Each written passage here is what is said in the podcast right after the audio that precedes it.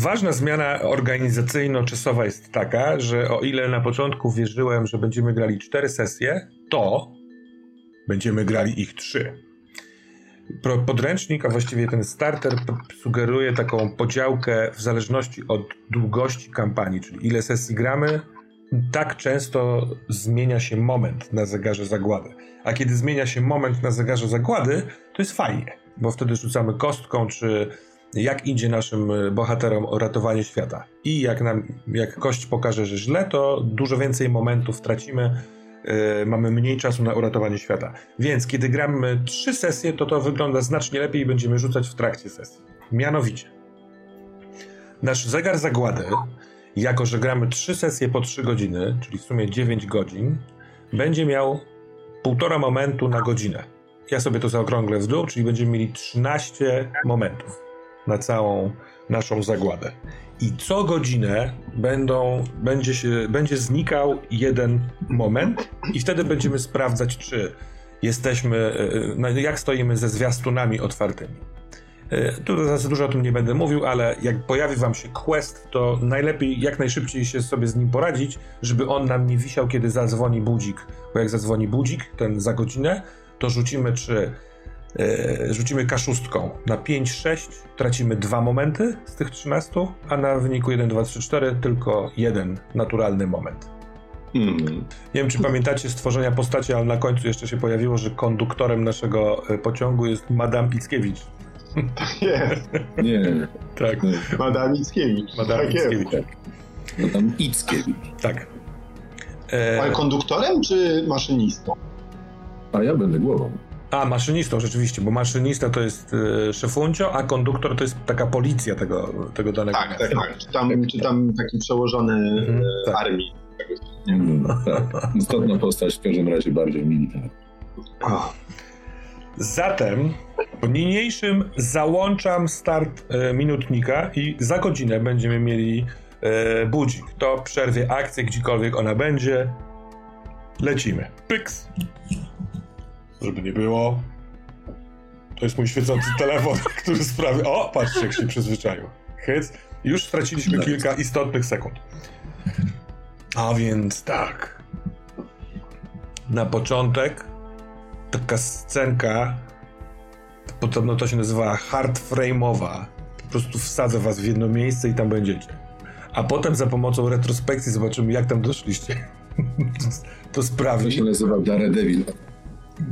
Dobrze. To jest takie wzgórze, oczywiście czerwonawe i lekko skaliste, chociaż sporo też jest pyłu. Jak to na Marsie.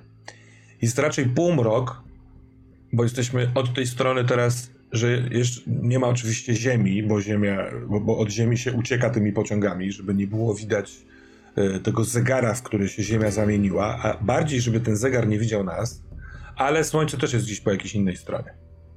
I w tym półmroku spatrzymy e, z daleka, z paruset metrów, poniżej w takiej nietce sunie bardzo wolno pociąg Pruster. Pruster to jeden z bardzo wielu pociągów miast na Marsie, ale z nim jest coś mocno nie tak. Bo z nim się zupełnie zerwał kontakt. Paręnaście godzin temu w waszym pociągu, w którym byliście, Madame Ickiewicz zwołała zebranie i wynikiem tego zebrania było wezwanie waszej trójki, żebyście sprawdzili, co się dzieje z pociągiem Pruster. Dlaczego w trakcie składania meldunku rolnego, bo czasami pociągi wysyłają do siebie meldunki rolne, żeby wszyscy wiedzieli, które y, kombajny i pola są właśnie przerobione. Y, po prostu w połowie Trex przerwało się. Od tamtej pory nawoływania nic nie dały. Y, jeden, jakby inny pociąg zameldował kilka godzin później, że przejeżdżając przez wzgórze romantyków, widział daleko na horyzoncie, jak Pruster sunie. W znacznie wolniej, jakby wolniejszej prędkości niż powinien, ale ciągle w ruchu. Wyliczono, gdzie, o której godzinie w takim tempie dojedzie. Uznano, że ryzyko jest przepotężne, bo jeśli on nie przyspieszy, to w bardzo złym momencie obrotu sfer będzie widoczny z Ziemi nie zdąży się tak jakby schować za horyzont, więc trzeba w miarę możliwości jak najszybciej sprawdzić, co go tak spowolniło i czy da się to jak najszybciej naprawić. I wyruszyliście we trzech z peronu, na którym zostaliście wysadzeni, e, na taki, takim skrótem przez właśnie skalistość Marsa, aby znaleźć się tutaj na tym wzgórzu i przyjrzeć się Prusterowi na własne, nie własne, skafandra, którego nosi, który nosicie, oczy. Więc bardzo jestem ciekaw, jak wyglądają wasze postaci. Może zaczniemy od prototypa, jakim jest Tuwim. Więc jak myślałem, że pójdę dalej, że, dam, że będę e, nie pierwszy, ale e, prototyp, czyli e, kombinezon zbudowany na bazie kombinezonów marsjańskich, ale pierwszy ludzki. E, jest czarno-biały, jest bardzo, ma bardzo toporną technologię, dużo różnych rurek, du, dużo takich metalowych części, które wychodzą na zewnątrz i taki wielki, jak e, z NASA, można powiedzieć, hełm, który ma przesłoniętą czarną, czarne takie lustro. Jest taki bardzo e, spory i wygląda jakby topornie się poruszał. Dominujące kolory to czerń i biel i jak już mówiłem, bardzo dużo rurek. Rurek. Tuwim rurka. A jak przy takim tuwimie pełnym rurek prezentuje się Echon Lord Ostrza? Echon Lord Ostrza. Jego skafander jest bardzo obcisły, mocno przylega do jego muskularnego ciała. Na samym skafandrze są wybrzuszenia, takie. Mm, myślę, że to wygląda jak projekty Geigera, te takie właśnie związane z obcym, jakieś y, takie wystające żebra, dodatkowe takie kości jak w jakimś egzoszkielecie i mm, myślę, że hełm, który przypomina taką paszczę, która się e, zamyka z dwóch stron na jego twarzy. Także zostaje tylko taka bardzo wąska wizura, e, z której z takiego cienia wystają ludzkie, błękitne oczy. Mhm. A jak wygląda staw z domu zszywaczy? Staw z domu zszywaczy wygląda e, tak, że e, na pewno m, mm, widać, że e, to nazwa domu, z którego pochodzi, bardzo mocno e, inspiruje wygląd jego skafandra. E, wygląda jakby był, sam skafander wygląda jakby był uszyty, e, poszywany z wielu różnych skórzanych łat. Czy to jest skóra? Może nie, może to są jakieś syntetyki, może to są wymieszane materiały. Wszystkie e, są w różnych odcieniach brudnej rdzy, szarości, błota. Także gdyby się położył na powierzchni Marsa i przestał ruszać, można by nawet go czasem nie odróżnić od skał, które pokrywają powierzchnię planety. Ale Oprócz tego na, na ten skafander ponaszywano mnóstwo różnych dziwnych mm, e, ustrojstw, urządzeń. To są rurki, które przechodzą z miejsca na miejsce. E, e, czasem e, dyndają w ogóle przy tym skafandrze jakieś, e, jakieś elementy, e, które, których tak naprawdę znaczenia ani też użyteczności trudno dociekać chociaż e, staw oczywiście e, dla, dla każdej z nich mógłby znaleźć zastosowanie. E, a skafander wieńczy hełm, który każdy obeznany ze starą ziemską literaturą typu takiego XIX-wiecznej, XIX-wiecznej powieści podróżniczej mógłby kojarzyć. Jest to bardzo ciężki, żeliwny hełm, który z takim kołnierzem e, skórzanym opada na ramiona. Mm, I z niego wy, wystaje rurka z samego szczytu, e, która idzie do plecaka, e, w którym są dwie takie jakby baterie. Coś, co wygląda jak baterie, butle. Jedna jest zupełnie, jedna jest niebieskiego koloru, druga natomiast zielonego. I no i tak to mniej więcej wygląda. Cały, cały ten skafander wygląda bardzo nieporęcznie i tak też staw się zachowuje, jakby czasem nie było łatwo nosić tego sprzętu. Pociąg, na który patrzycie, czyli Pruster, to około 20 wagonów. Część tylko z nich to wagony mieszkalne i one są raczej blisko lokomotywy. Lokomotywa y, to taki duży, prostokątny, metalowy, metalowa bryła, do której ludzie po powrocie doczepili y, komin i za pomocą y, kamienia wydobywanego z podziemi marsowych y, w niewielkim piecu palą, produkując mnóstwo pary, robiąc dużą temperaturę i napędzając pociąg. Kilka pierwszych wagonów to właśnie wagony mieszkalne, później rozpoczynają się wagony przemysłowe. I ewidentnie jedzie za wolno. Jedzie jakieś 15 km na godzinę za pomocą przyrządów pewnie poukrywanych w wizjerach w waszych skafandrach. Yy, widzicie to, udaje się to zmierzyć i rzeczywiście, jeśli nic się nie zmieni, to obrót planety sprawi, że on nie zdąży się schować za horyzontem, będzie widoczny z Ziemi. Zostawiam was na chwilkę na, za tymi głazami patrzących na pociąg. Możecie chwilkę pogadać o tym, co z tym można zrobić. Możecie zaproponować scenę w retrospekcji, żeby dowiedzieć się więcej y, z pociągu Ickiewicz. Yy, bawmy się w zagładę, wiedząc, że czas upływa. To ja może bym zaproponował scenę, kiedy jesteśmy w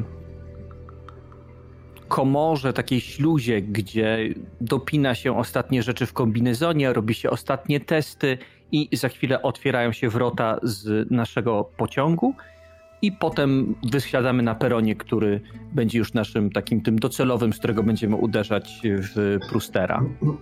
A czy ja mogę wcześniej zaproponować dosłownie 6-sekundową scenę przy tych głazach? Głazy są I... później jakby. Jacek proponuje rzecz wcześniejszą w, Wiem. w historii. A, okej, okay, dobra. Proszę bardzo, to Jacek... to najpierw pogadajmy chwilkę przy, przy, kamieniach, a potem przeniesiemy się... To dosłownie 6 sekund, bo chciałem zadać pytanie i widzieć waszą reakcję. Jasne. Dobra. Pruster jedzie za wolno. Abordaż czy wysadzenie? Rozpoznanie. Oj, oj, oj, oj, oj. To cofnijmy się w takim wypadku w przeszłość proponowaną przez Echona. Jak to wygląda? Gdzie, gdzie to się dzieje? Myślę, że to jest y, w pewnie przednim wagonie. Jest y, duże pomieszczenie, całe miedziane, pewnie kilka jakichś metalowych rur, kilka kabli zwisa, co jakiś czas strzela trochę pary. Jest taka gruba, matowa szyba.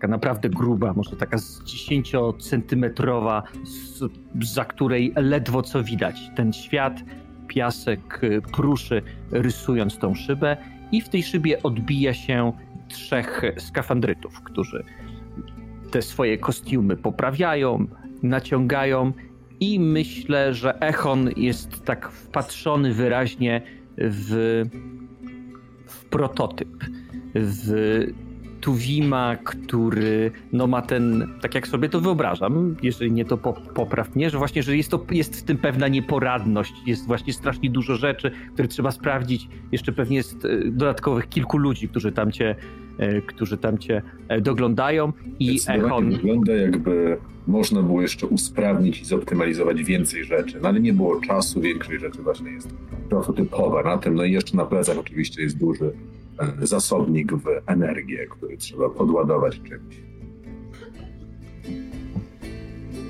Mhm. Hmm. Hmm. Nie boisz się. Nie boisz się, że umrzesz w tym szmelcu? Odpowiem może pytaniem na pytanie. Nie boisz się, że umrzesz w tym czymś? Hmm. Wiesz, mój jest sprawdzony, przez pokolenia, a tak jak patrzę na twój skafander, to potrzebujesz i patrzę na tych pięciu ludzi, którzy tam skaczą, dopinają te kolejne kable, sprawdzają jakimiś urządzeniami, czy promieniowanie się zgadza, czy jest dobre zasilanie.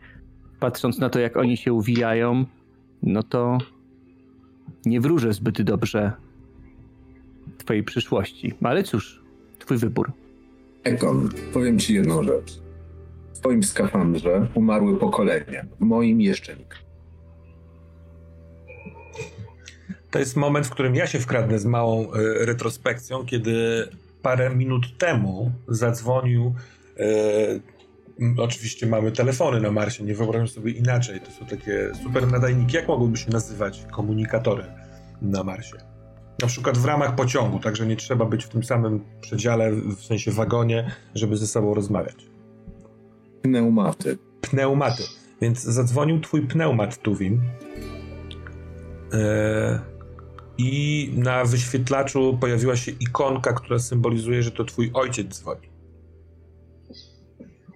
To odbieram. Przekręcam e, korbkę, zwiększam głośność, podłączam słuchawkę z ramienia tutaj. E, tak, panie profesorze?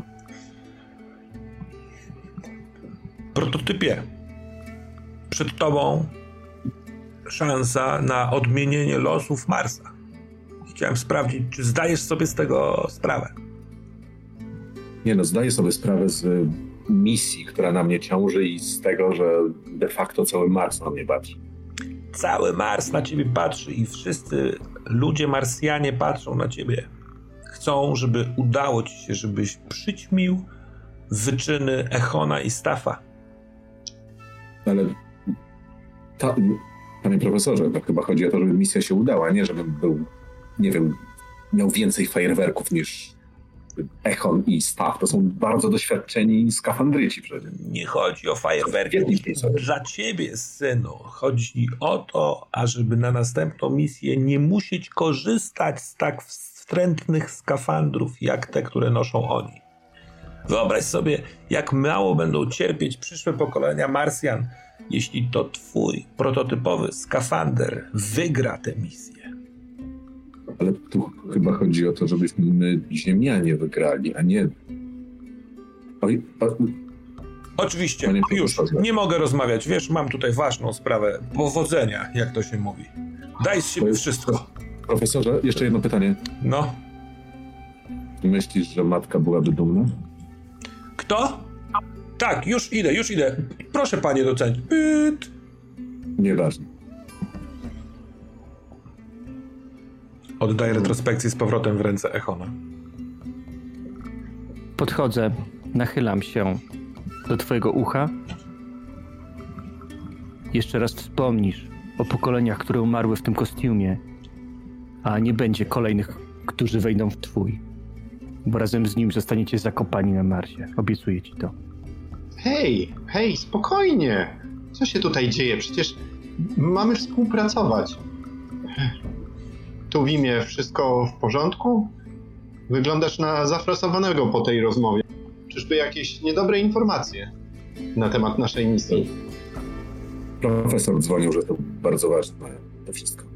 No, oczywiście, że to ważne, to najważniejsze. Dlatego tym bardziej niech powinniśmy w tym momencie raczej przygotować się na, no cóż, współpracę i dobre współdziałanie. Zwłaszcza, że nie wiadomo, jak długo przyjdzie nam pozostać razem. No, ja pracuję solo. Razem. Wystarczy, tak wystarczy, że Tuwim nie będzie ciągnął nas w dół. Stań z tyłu, patrz co robimy i przeżyj. I może będziesz spełniał swoją propagandową misję. Ale nie mieszaj ja się w to, co robimy. Moja ja muszę powiedzieć, propagandowa i dobrze wiesz. Ja muszę powiedzieć, że jestem pod wrażeniem e, tego, co, e, jak teraz wygląda tu a, akurat e, kiedy przypominam sobie nasze ostatnie spotkanie, prototyp wyglądał znacznie gorzej, prezentował się znacznie gorzej. A i jak pamiętasz, e, przygotowania go do misji zajmowały znacznie dłużej niż teraz. Myślę, że profesor zrobił parę dobrych ulepszeń, prawda? Dzięki, Stef. Tak, wyraźnie jest kilka upgrade'ów. No. no jest to mimo wszystko jakaś nadzieja dla ludzkości, żebyśmy nie musieli opierać się na rzeczach znalezionych w grobach obcej cywilizacji, tylko żebyśmy wymyślili coś nowego. Zawsze jakaś nadzieja na przyszłość. Trochę uważam, że profesor robi błąd, że ignoruje propozycję pomocy z domu strzywaczy, ale no cóż, to już A, kwestia waszego domu. To dla Profesor jest drugą człowiekiem. Dla kolorytu, staw jest z domu strzywaczy. Jaka rzecz ostatnio została dołączona, inkorporowana do, do twojego skafandra, która teraz na przykład, nie wiem, możesz z niej skorzystać w tym momencie? E, jest y, dołączona do mojego skafandra rzecz, która jest zupełnie nowa i to jest rzecz, którą ja wymyśliłem, ponieważ e, to jest tak, że zawsze nosiciel skafandra e, projektuje te ulepszenia i dom nad nimi pracuje, ale, ale on jest jakby głównym tutaj architektem i pomysłodawcą. I stwierdził, że stwierdziłem, że potrzeba spróbować wydłużyć czas E, jaki można pozostawać pod ziemią, e, jeżeli e, to możliwe. I te baniaki, o których wspomniałem w opisie mojego skafandra, to rzecz nowa, której wcześniej dwaj pozostali skafandryci nie widzieli. Staw jest przekonany, że poprzez pompowanie, pobieranie powietrza z podziemi E, wypompowywanie z powietrza z podziemi i sprężanie go e, w tych e, baniakach, w jednym z tych baniaków i poprzez bardzo powolne dozowanie go do hełmu można przyzwyczaić się do atmosfery podziemnej i w ten sposób uodpornić się na działanie tego toksycznego powietrza, które jest pod ziemią. O ile oczywiście to podziemne powietrze powoduje to, co się złego z nami dzieje pod ziemią. E, taka jest moja teoria. Zobaczymy, czy prawidłowa. Mm.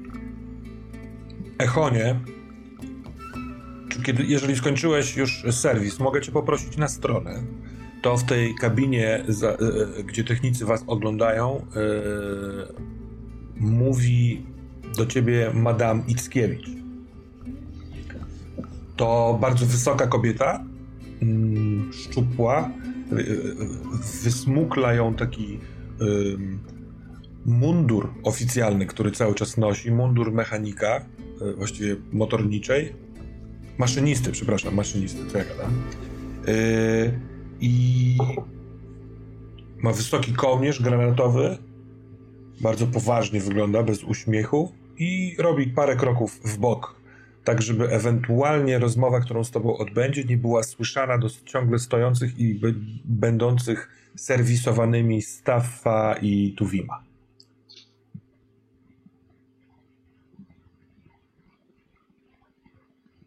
Echonie? Słucham.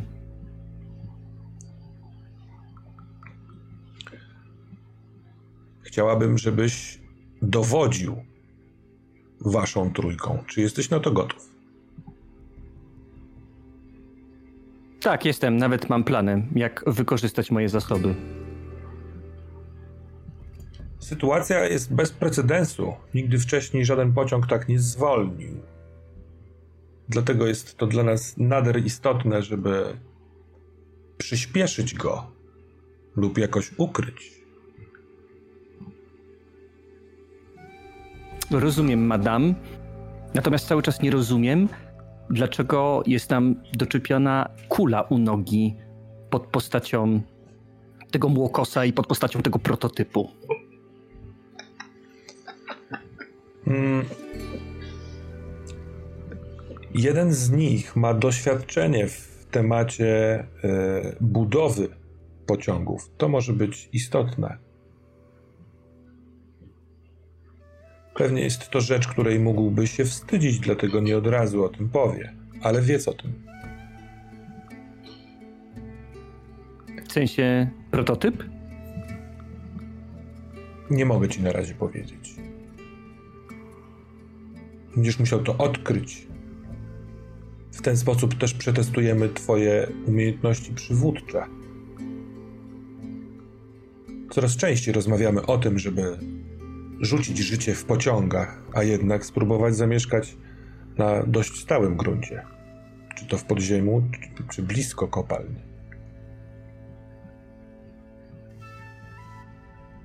Nie wiem, madam, to i tak nie jest życie, które mnie będzie dotyczyło, więc jest mi to dość obojętne.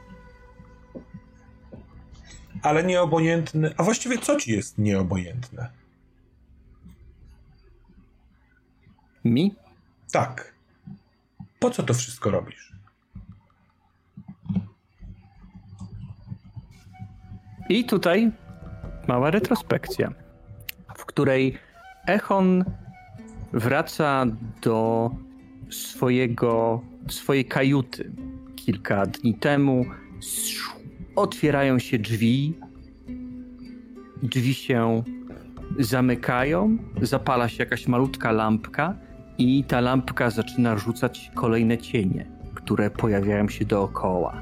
Cienie, które są z początku przyczajone i zaczynają wypełzać z różnych kątów. Echon podnosi swoją dłoń, a potem kładzie ją na kocim grzbiecie, który zaczyna się wyprężać, potem kolejny kot, kolejny kot i obłazi go e, statko takich e, różnobarwnych e, kotów, które wychodzą i echon z takiego napiętego jak struna. Robi się taki no trochę bardziej może taki dziecięcy, bierze jednego kota, zaczyna go przytulać, wyciąga jakąś wodę i i zaczyna się zajmować tymi wszystkimi kotami.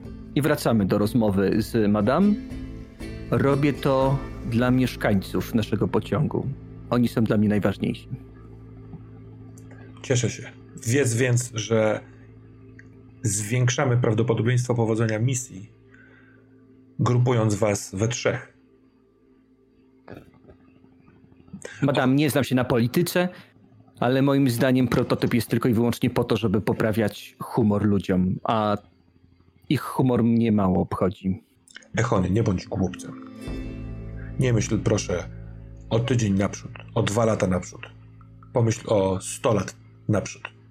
A co jeśli twój zszywaczy płaszcz nie przetrwa takiej próby czasu? Hmm? Myślisz, Mój na razie przetrwał i bardzo bym chciała, żeby przetrwał jak najdłużej, bo ja też widzę to, jakie są wady w prototypie.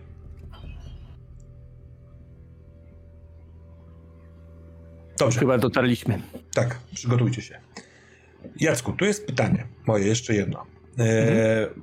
Bo ja przygotowałem ankietę dla widzów, w której wybrali, który z was ma kogoś w miarę bliskiego albo przynajmniej dobrze znanego na pociągu Pruster.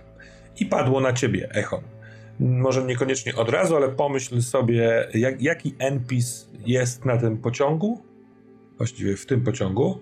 Mhm. E, a ja pracuję nad drugą ankietą, która wyłoni special bonus dla Tuwima bądź Staffa.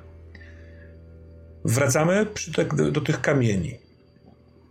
I zostawiam was głos. Oczywiście, jak chcecie jeszcze sobie zażyczyć jakąś scenę, jak, jakieś badanie, to zapraszam.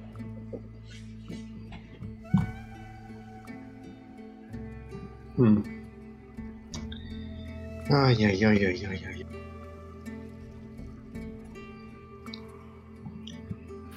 Wszystko Dobrze. oprócz tego pociągu wygląda normalnie. Wejdźmy na niego i tyle.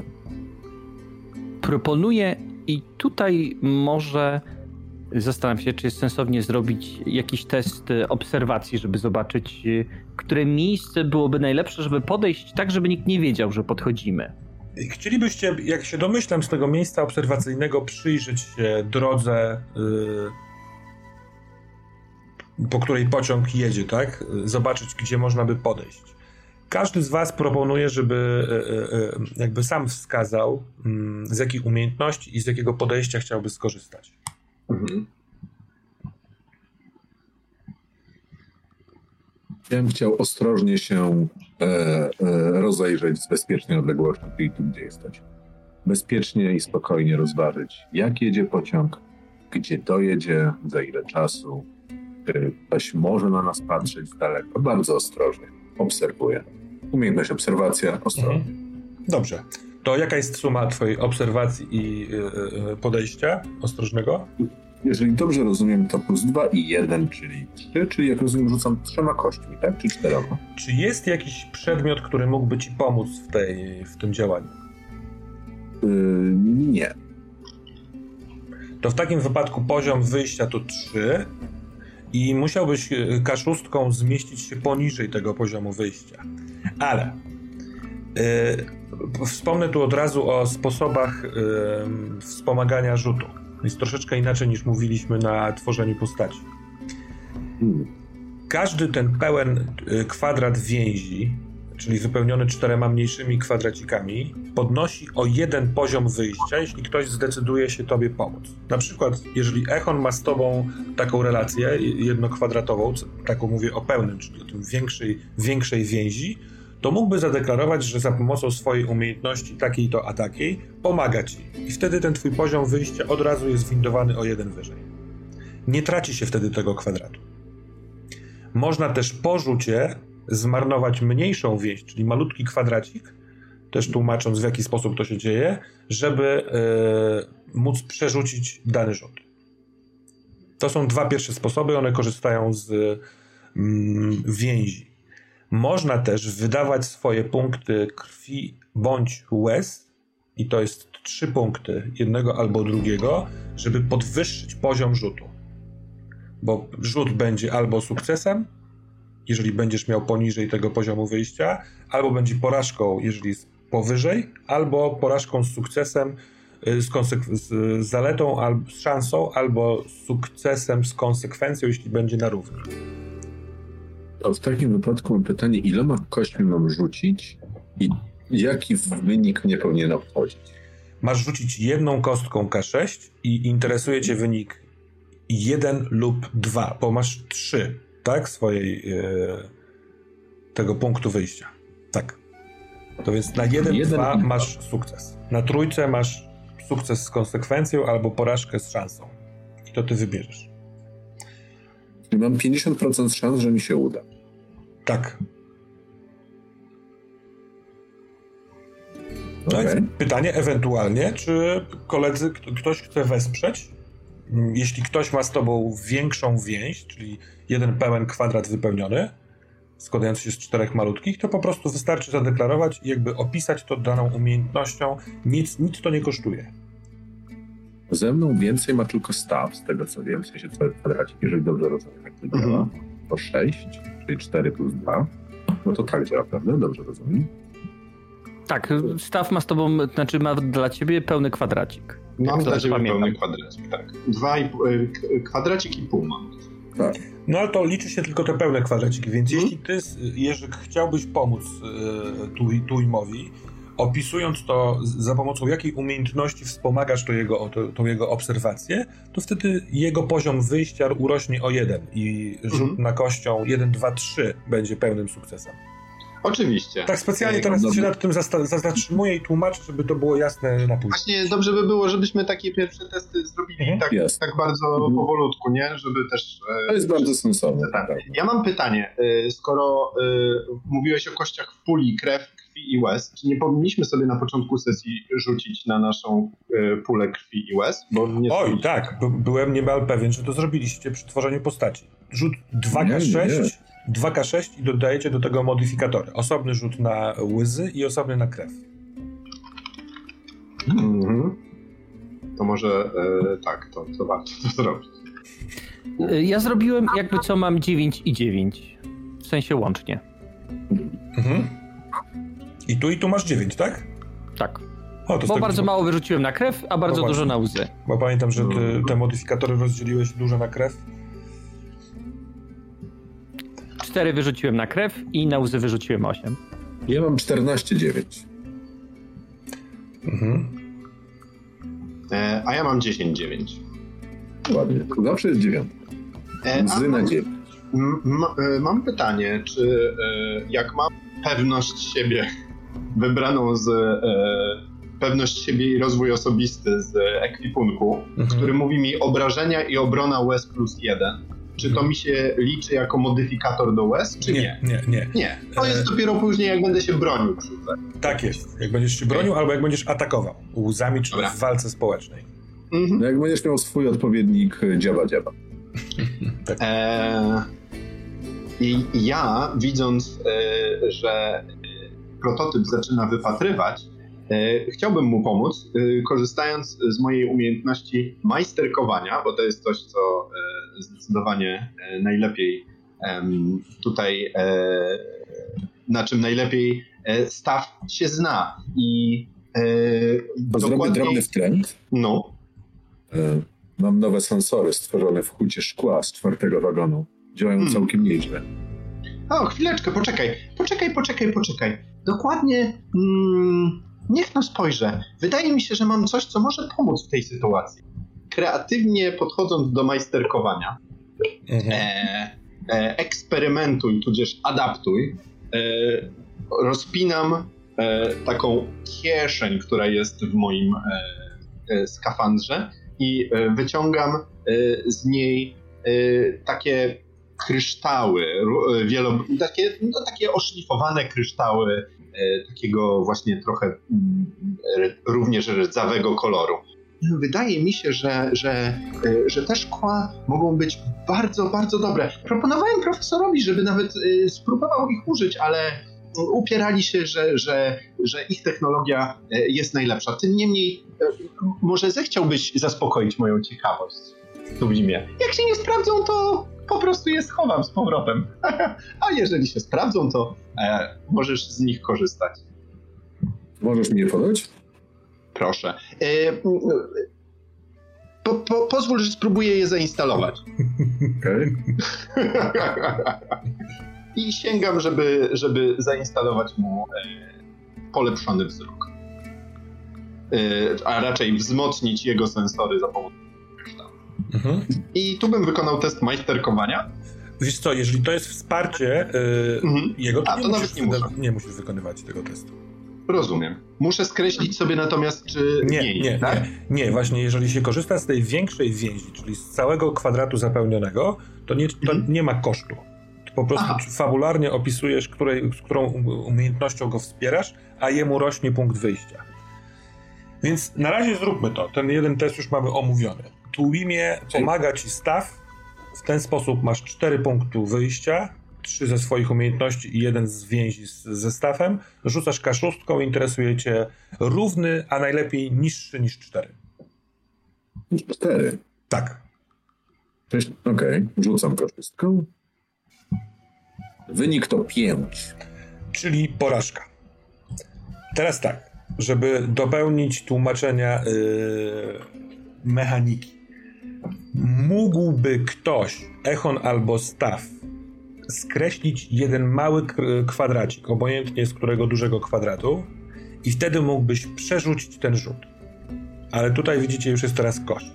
Albo ty, Tłimie, mógłbyś wydać 3 punkty łez albo 3 punkty krwi, żeby zmienić tą porażkę na sukces z konsekwencją albo na porażkę z, z szansą. Czyli o jeden y, y, wejść na lepszy y, poziom. Czy coś z tego robimy, czy olewamy to i po prostu tu im się nie dopatrzył niczego ciekawego. Fabularnie mi tu trochę pasuje to, żebym. Bo rozumiem, że ten, czy ten koszt y, jest dosyć duży, nie? Że to, to jest chyba droga rzecz, skreślanie tych pudełek. Y, Dosyć droga, ponieważ je się odzyskuje za pomocą takich rzeczy jak poświęcenie się dla drugiego bohatera. Wzięcie konsekwencji zamiast niego.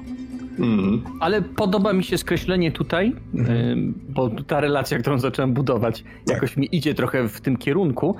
Y, I myślę, że jak wy oglądacie te kryształy, próbujecie, y, próbujecie dopasować, które będą najlepsze, odwraca się Echon i zimno mówi: skupcie się na pracy, zamiast bawić się tymi zabawkami. Pociąg zaraz odjedzie. Dobra, Mm. i to sprawia, że ty spalasz jeden mały kwadracik, ko- y, y, czyli mniejszą więź z Tuwimem, a Tuwim może rzucić jeszcze raz. Y, Trzy. Trzy, a zatem się udaje. Więc udało się, e, udał się test obserwacji i e, przypomnij mi raz jeszcze, Julek, ponieważ trochę trwało ogarnięcie tego testu, co ty chciałeś osiągnąć za pomocą ostrożnej Tak, obserwacji? Obserwowałem e, pociąg i peryferię wokół niego, czy nie zagraża nam żadne niebezpieczeństwo i kto, czy ktoś nas nie obserwuje. Mhm. Jesteś absolutnie... Ale i, znaczy, może inaczej. No, intencją było, żeby jak tam się dostać, żeby nikt nas nie zauważył. Mhm. Dobra, no to odpowiedź jest y, taka dla ciebie.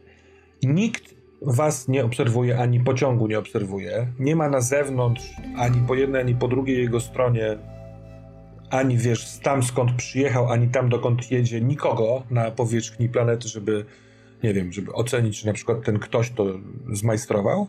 A, a na drugą część tego pytania, jak tam się dostać, to tak naprawdę na tyle wolno on jedzie, że bardzo szybko biegnąc można wskoczyć na niego, nie, niespecjalnie sobie robiąc jakąś ranę. Może ewentualnie znaleźć miejsce na jego drodze, nie wiem, gdzie przejeżdża obok jakichś wyższych skał, żeby skoczyć na dach. To też się da ogarnąć, ale trzeba by e, jakby sprawdzić drogę w przód. I tutaj dołożę Wam od razu wyniki następnej e, e, ankiety, która od razu określa też trzecią specjalizację. Więc jeśli chodzi o drugą rzecz, Julku, twój Tuwim zna się trochę na tym pociągu Pruster. Był tam, wykonywał jakąś misję, to już zostawiam tobie, ale yy, jakąś tam wiedzę na temat tego, jak ten pociąg funkcjonuje, masz ty. Natomiast ty, Stafie z domu strzywaczy, masz jakąś tam wiedzę dotyczącą geografii wokół tego miejsca, w którym jesteśmy, lokalizacji. Hmm? Więc na przykład, gdyby chcieć skoczyć na dach tego pociągu skądś, to pewnie ty byś był kimś, kto powinien testować takie poszukiwanie. Dobra. Co robicie? E, droga jest wolna, nikt nas nie obserwuje. Wystarczy, że pobiegniemy i możemy tam wskoczyć. A podejście no i... tak, żeby nie było nas widać w żadnych oknach? Tak, żeby nikt nie hmm. wiedział, że tam się dostaniemy? Z tego co pamiętam, istnieje droga e, tutaj. Jest pewien tunel, to jest tunel, który jest takim tunelem technicznym do obsługi torów. Można by nim przejść. Musielibyśmy zejść na chwilę pod ziemię, ale dzięki temu moglibyśmy e, dostać się do pociągu całkiem niezauważeni, tak sądzę. Na samym środku tego pociągu jest lekka wieżyczka obserwacyjna, aczkolwiek mniej więcej pod koniec jest lekkie wybrzuszenie, wybrzuszenie które zasłania ostatnie dwa wagony. Jeżeli skoczylibyśmy na dwa ostatnie wagony, to byłaby największa szansa, że bylibyśmy niezauważeni przez nikogo z przodu. Czy to wybrzuszenie to jest normalna rzecz? Ono zawsze jest na pruście? To jest, tylko, to jest tylko rzecz z Prustera. Aha, czyli jakby ona jest jemu właściwa. Tak, jest to system chłodzący. Rozumiem. Wdech do powietrza, żeby chłodzić mm. e, dysze paliwowe. Ciekawe, ciekawe, ciekawe. Że tak to wymyślili. Hmm. A ten tunel, Akurat na końcu? Ten tunel, o którym ty mówisz, staw, on jest pod torami, czy on jest jakby grotą w, w górze, w którą się wjeżdża?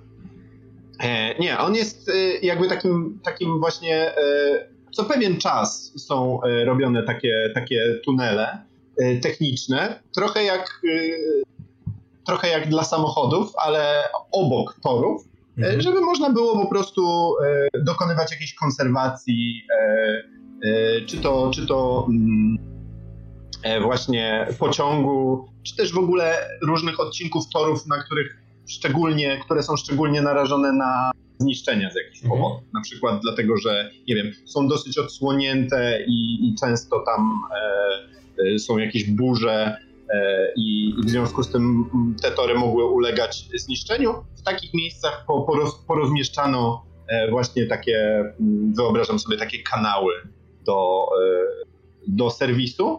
No i również to są pociągi, w związku z tym one potrzebują takich stacji serwisowych porozmieszczanych, porozrzucanych gdzieś tam. I to mhm. jest również może służyć jako taka stacja serwisowa. Dobra. Oczywiście pociąg musi się wtedy zatrzymać, to jest niebezpieczne, no ale czasem trzeba. Cóż w takim wypadku, drodzy panowie, decydujcie się, co robicie. Czas. Prowadź, Prowadź w takim razie staw, mamy mało czasu. Mm, Dobrze, niech ja sobie tylko przypomnę, gdzie tu było najbliższe wejście do tych tunelów serwisowych. Mm, Zaraz, zaraz, zaraz. Którą mamy teraz godzinę? Niech ja spojrzę. E, Odci- o- odpinam taki rzep, bo okazuje się, że tam jest rzep na, e, w klapie mojego, mojego Mhm. skafandra i wyciągam coś, co e, jest na takim zawiasie, jakby podnoszę i to jest taki, taki, taki, taki jakby kompas. Mm, zaraz, zaraz, zaraz. Ach, starość, to jeszcze mój dziadek zainstalował, ale powinno zadziałać. Nakręcam. O, chyba nie dalej niż 150 e, metrów e, na północ powinniśmy mieć wejście do tunelów serwisowych. Jeżeli oczywiście e, ta mapa dobrze działa. Ale wydaje mi się, że dobrze działa. Dziadek był, e, dziadek był bardzo sprawiedliwy. A więc z tego co rozumiem, chcecie e, pójść, wejść do podziemi, tymi podziemiami dostać się do tunelu, który będzie na drodze pociągu i z tamtego tunelu dostać się e, na pociąg. Tak? No ja sobie tak wyobrażam, że on właśnie przejeżdża, ja, ja to mniej więcej potrafię ocenić, że on przejeżdża wzdłuż tego tunelu teraz. Mhm. Więc jeżeli szybko pobiegniemy, to możemy właśnie z tego tunelu wyskoczyć na pociąg, zahaczyć się o pociąg jeszcze. Tak, tak, ja, tak, tak ja to sobie wyobrażam. Ten plan jest cudowny, ale weźmy pod uwagę, jeśli coś się stanie po drodze, a ten pociąg przejedzie, to co wtedy Mhm. zrobicie? Mm, No to wtedy będziemy musieli. wtedy będziemy musieli e, szyć. Mhm. Dobra, Natomiast to może e, ja mam co. wrażenie, że moje umiejętności przetrwania e, w dziczy i znajomość tego terenu e, mogą nam pomóc tutaj. dobra, to w takim wypadku. Nie wiem, co, co o tym sądzicie, panowie? Może, może nie warto ryzykować schodzi, schodzenia do tuneli. Może po prostu pobiegniemy na, na przełaj. Nie wygląda jakby to było super daleko. Nie ma czasu deliberować. Masz pomysł, znasz ten tunel, idziemy już do niego. Nie traćmy czasu. No to biegnijmy. Dobra. Dobra. Mhm. Tuim? Ja m- mówię, no to biegnijmy.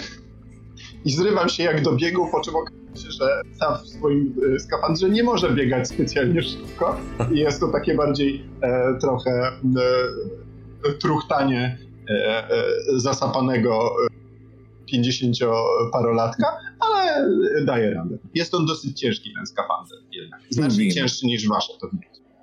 Prze, prze, przekłada parę przekładni takich na nogach i już może zacząć biec. Dobra, to e, zrobimy, zrobimy tak. E, ten, to wejście do, do podziemi to jest najpierw, e, no wąwóz to za mocne słowo, ale po prostu taka, takie przejście pomiędzy dwoma wyższymi skałami. Dopiero w pewnym momencie jest zejście w dół i zakrycie powierzchni. Tam się biegnie dosyć krótko i dociera się do tego tunelu. Chodzi mi o to, że zrobiono jak najkrótszy moment bycia pod ziemią, żeby wiadomo, nie być pod ziemią, a dostać się w miarę bezpiecznie do tego tunelu. Ale ja potrzebuję y, rzutu na to, żebyście przekradli się tym wąwozem i y, tym przejściem y, podziemnym jak najciszej, mimo tego, że się bardzo śpieszycie. Tak, bo tam może być coś, co przy, y, wasz ruch przykuje czegoś uwagę. Hmm? I teraz tak, y, jako że ty prowadzisz stafie, to proponuję, żebyś ty rzucił na przekradanie się waszej grupy. Na wstępie za to, że sko- skorzystałeś z tej swojej specjalizacji, czyli z, ze znajomości geografii czy tam lokalizacji, masz plus jeden do tego punktu wyjścia i jak byś Mhm. do tego chciał podejść? Chciałbym do tego podejść tak, że y, y, y, chciałbym podejść do tego ostrożnie. Mhm. E, chciałbym podejść do tego ostrożnie, bo no wiadomo, schodzenie pod ziemię to jest zawsze rzecz e, niebezpieczna. E, więc ostrożnie e, oceniam sytuację i mówię, e, przestawiając, widać, że przestawiam coś przy moim hełmie. Tak, wydaje się, że, że, że jak ruszymy teraz szybciutko, to wszystko będzie dobrze. Nie słyszę. Nie słyszę żadnych e, somnomorfów. Chyba tunel jest czysty. No to w takim wypadku szybciutko. D dobra, ale więc korzystasz z ostrożnego podejścia, a z jakiej umiejętności? Czy to jest... Przetrwania. Przetrwania. Jaka jest tak suma jest. twojej ostrożności i przetrwania? Dwa. O, to do dwóch dodaj jeden za tą swoją y, geo, geospecjalizację, czyli masz trójkę mhm. i to jest twój punkt wyjścia. Musisz rzucić K6 i mieć jedynkę lub dwójkę. Ewentualnie o, trójkę. Jesus. Strasznie hardkorowo trudne są tutaj te testy. Ale to trochę, trochę ciekawi Ale... mnie, dlaczego wybrałeś, y, wiesz, ostrożność i przetrwanie, czyli dosyć niskie chyba swoje staty. Nie no, takie średnie. Okay. Takie to, to, to, totalnie średnie. Takie, że. że e, no nic, no. E, no ja wcześniej też wybrałem średnia mhm. 50% tylko. No tak, ale później za pomocą tych więzi yy, Nie, można tak, tak, po prostu no. to poprawiać. Słuchajcie, e, po prostu rzucę. Dawaj. E, za mną. Wydaje się, że poczekaj, wszystko... Poczekaj, że... poczekaj, bo ty chcesz Echonie coś yy, pomóc? Bo rozumiem, że jeśli mam pełny kwadracik, to dość łatwo mogę mu tak, zrobić absolutnie. helpa. Y, ten help mhm. polega na tym, że punkt wyjścia rośnie o jeden, czyli z 3 na 4, a ty musisz wymyślić fabularnie, jaką swoją umiejętnością y, to wspomagasz Stafa. Mhm. Y, dobrze, to ja bym użył również przetrwania i widzę, że on chce przejść przez jakieś skałki, tam się wczłapywać ale wiem, że on no, nie ma dobrej kondycji i myślę, że wypatrzę po prostu lepszą ścieżkę. E, taką, którą może odrobinę dłuższą, ale taką, w której on na pewno się e, nie spierdzieli i będzie mógł w miarę swobodnie się poruszać.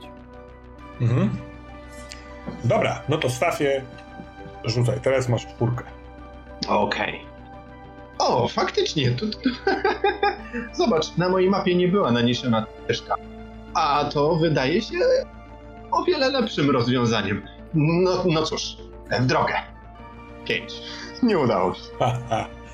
No to again, można zmarnować mniejszą więź, żeby przerzucać, albo y, wydać łzy, bądź ciało, bądź krew, przepraszam, żeby y, wiesz, żeby wejść na ten poziom sukces z konsekwencją albo porażka z szansą.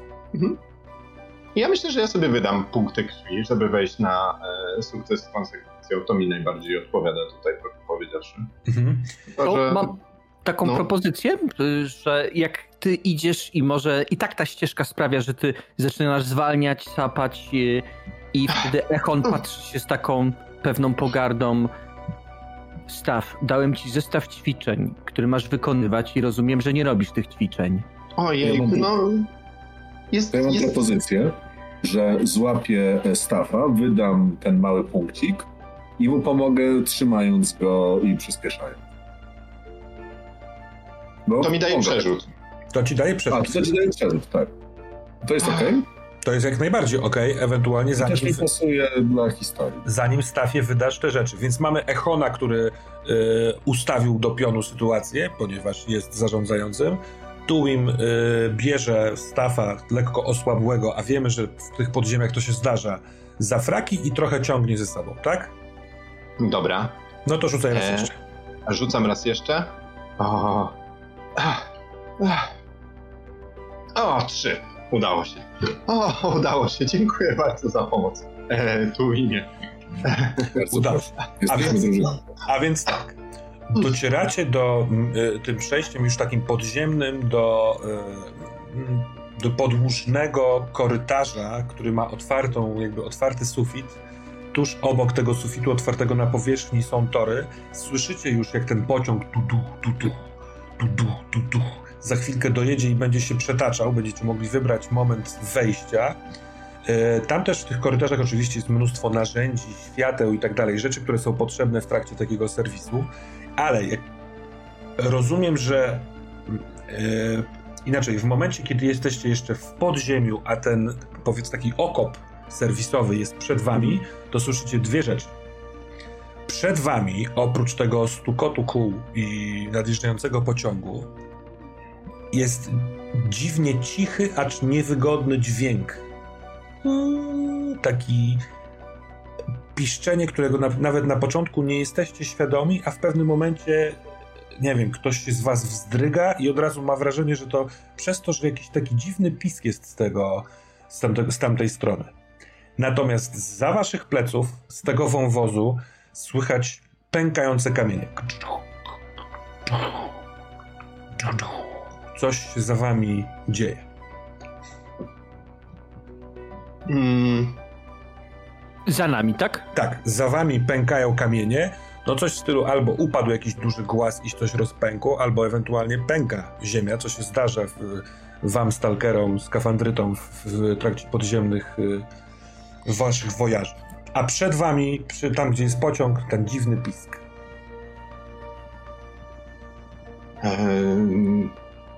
Em, nie brzmi to dobrze. Pędźmy, pędźmy szybciej. Nie ma czasu, żebyśmy się rozdzielali. Do przodu. Mhm. Zatem wpadacie do tego y, okopu serwisowego, nad wami rozgwieżdżone niebo, y, no i pociąg, właściwie ta lokomotywa już dociera do tego miejsca. Tu jest mm, przeraźliwie głośno od tego, że cała maszyneria, ten wielki ciężar przejeżdża tak naprawdę na wysokości waszych głów y, przed wami. Natomiast cały czas towarzyszy temu ten pisk.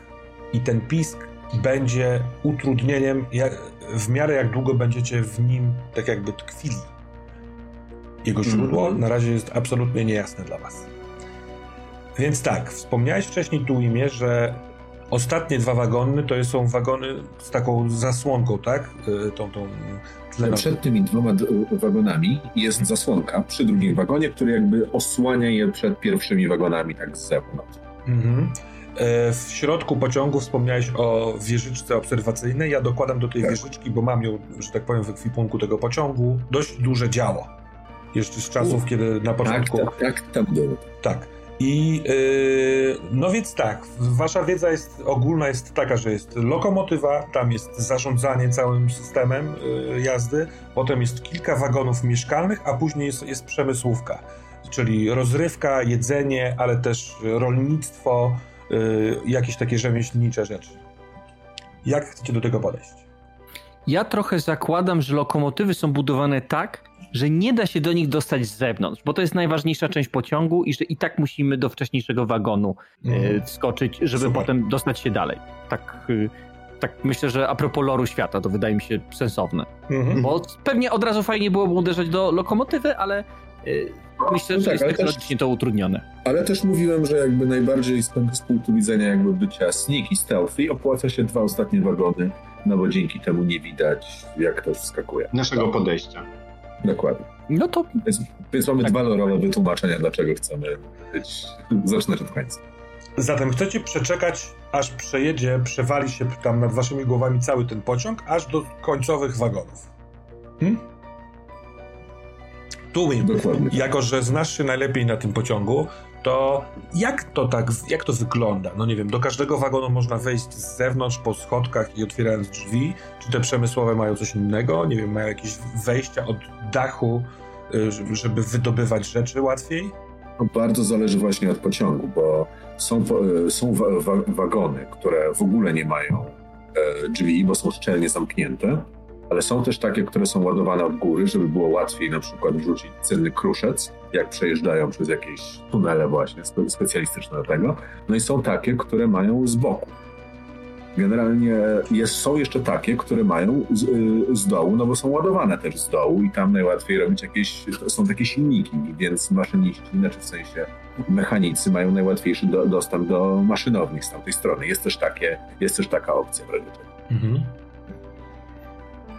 No to stwórzmy sobie ten wagon, do którego będziecie chcieli wejść.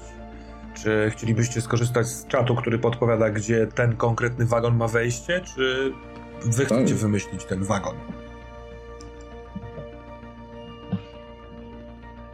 No ja powiedziałem, że są dysze, tak, na Mhm. początku drugiego wagonu, które zbierają e, jakby powietrze, dzięki temu ochładzają te takie systemy, Mhm. więc może e, tam jakby jest, we, znaczy tam jest też dostęp do szybów we- wentylacyjnych jakby i można tam tamtędy wejść, tylko że jest to bardzo niebezpieczne, no bo to wchodzi powietrze, potem się zamyka na pewien czas i znowu wchodzi, więc trzeba uważać, bo też wypuszcza szkodliwe substancje. Mhm. Czyli to jest wejście na ta, jakby w trzech etapach. Najpierw jeden, korzystając z, jakby z momentu otwarcia tych y, śluz, potem drugi, potem trzeci. Tak? Ryzyko jest takie, że można trafić na wyziew y, trującego, y, trujących jakichś wyziewów. Dobrze myślę sobie? Ktoś coś dodać, ująć? Ja nie, dla mnie to jest właśnie tak. Jacku, mhm. Jerzyku? Mhm. Tak to robimy?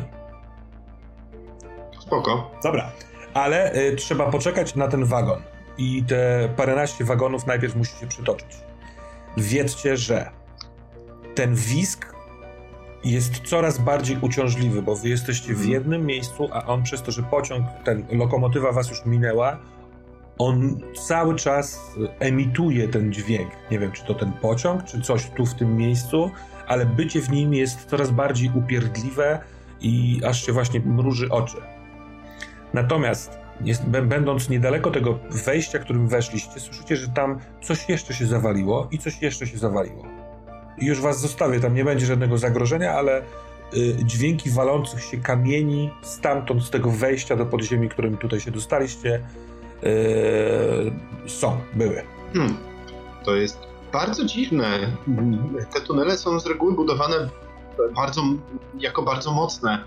Hmm z tego co widzę, nie mam żadnych odczytów wzmożonej aktywności sejsmicznej na, na moich sensorach e, sejsmicznych. W związku z tym to, to bardzo zagadkowe, że akurat teraz um, coś miałoby się takiego zacząć dziać.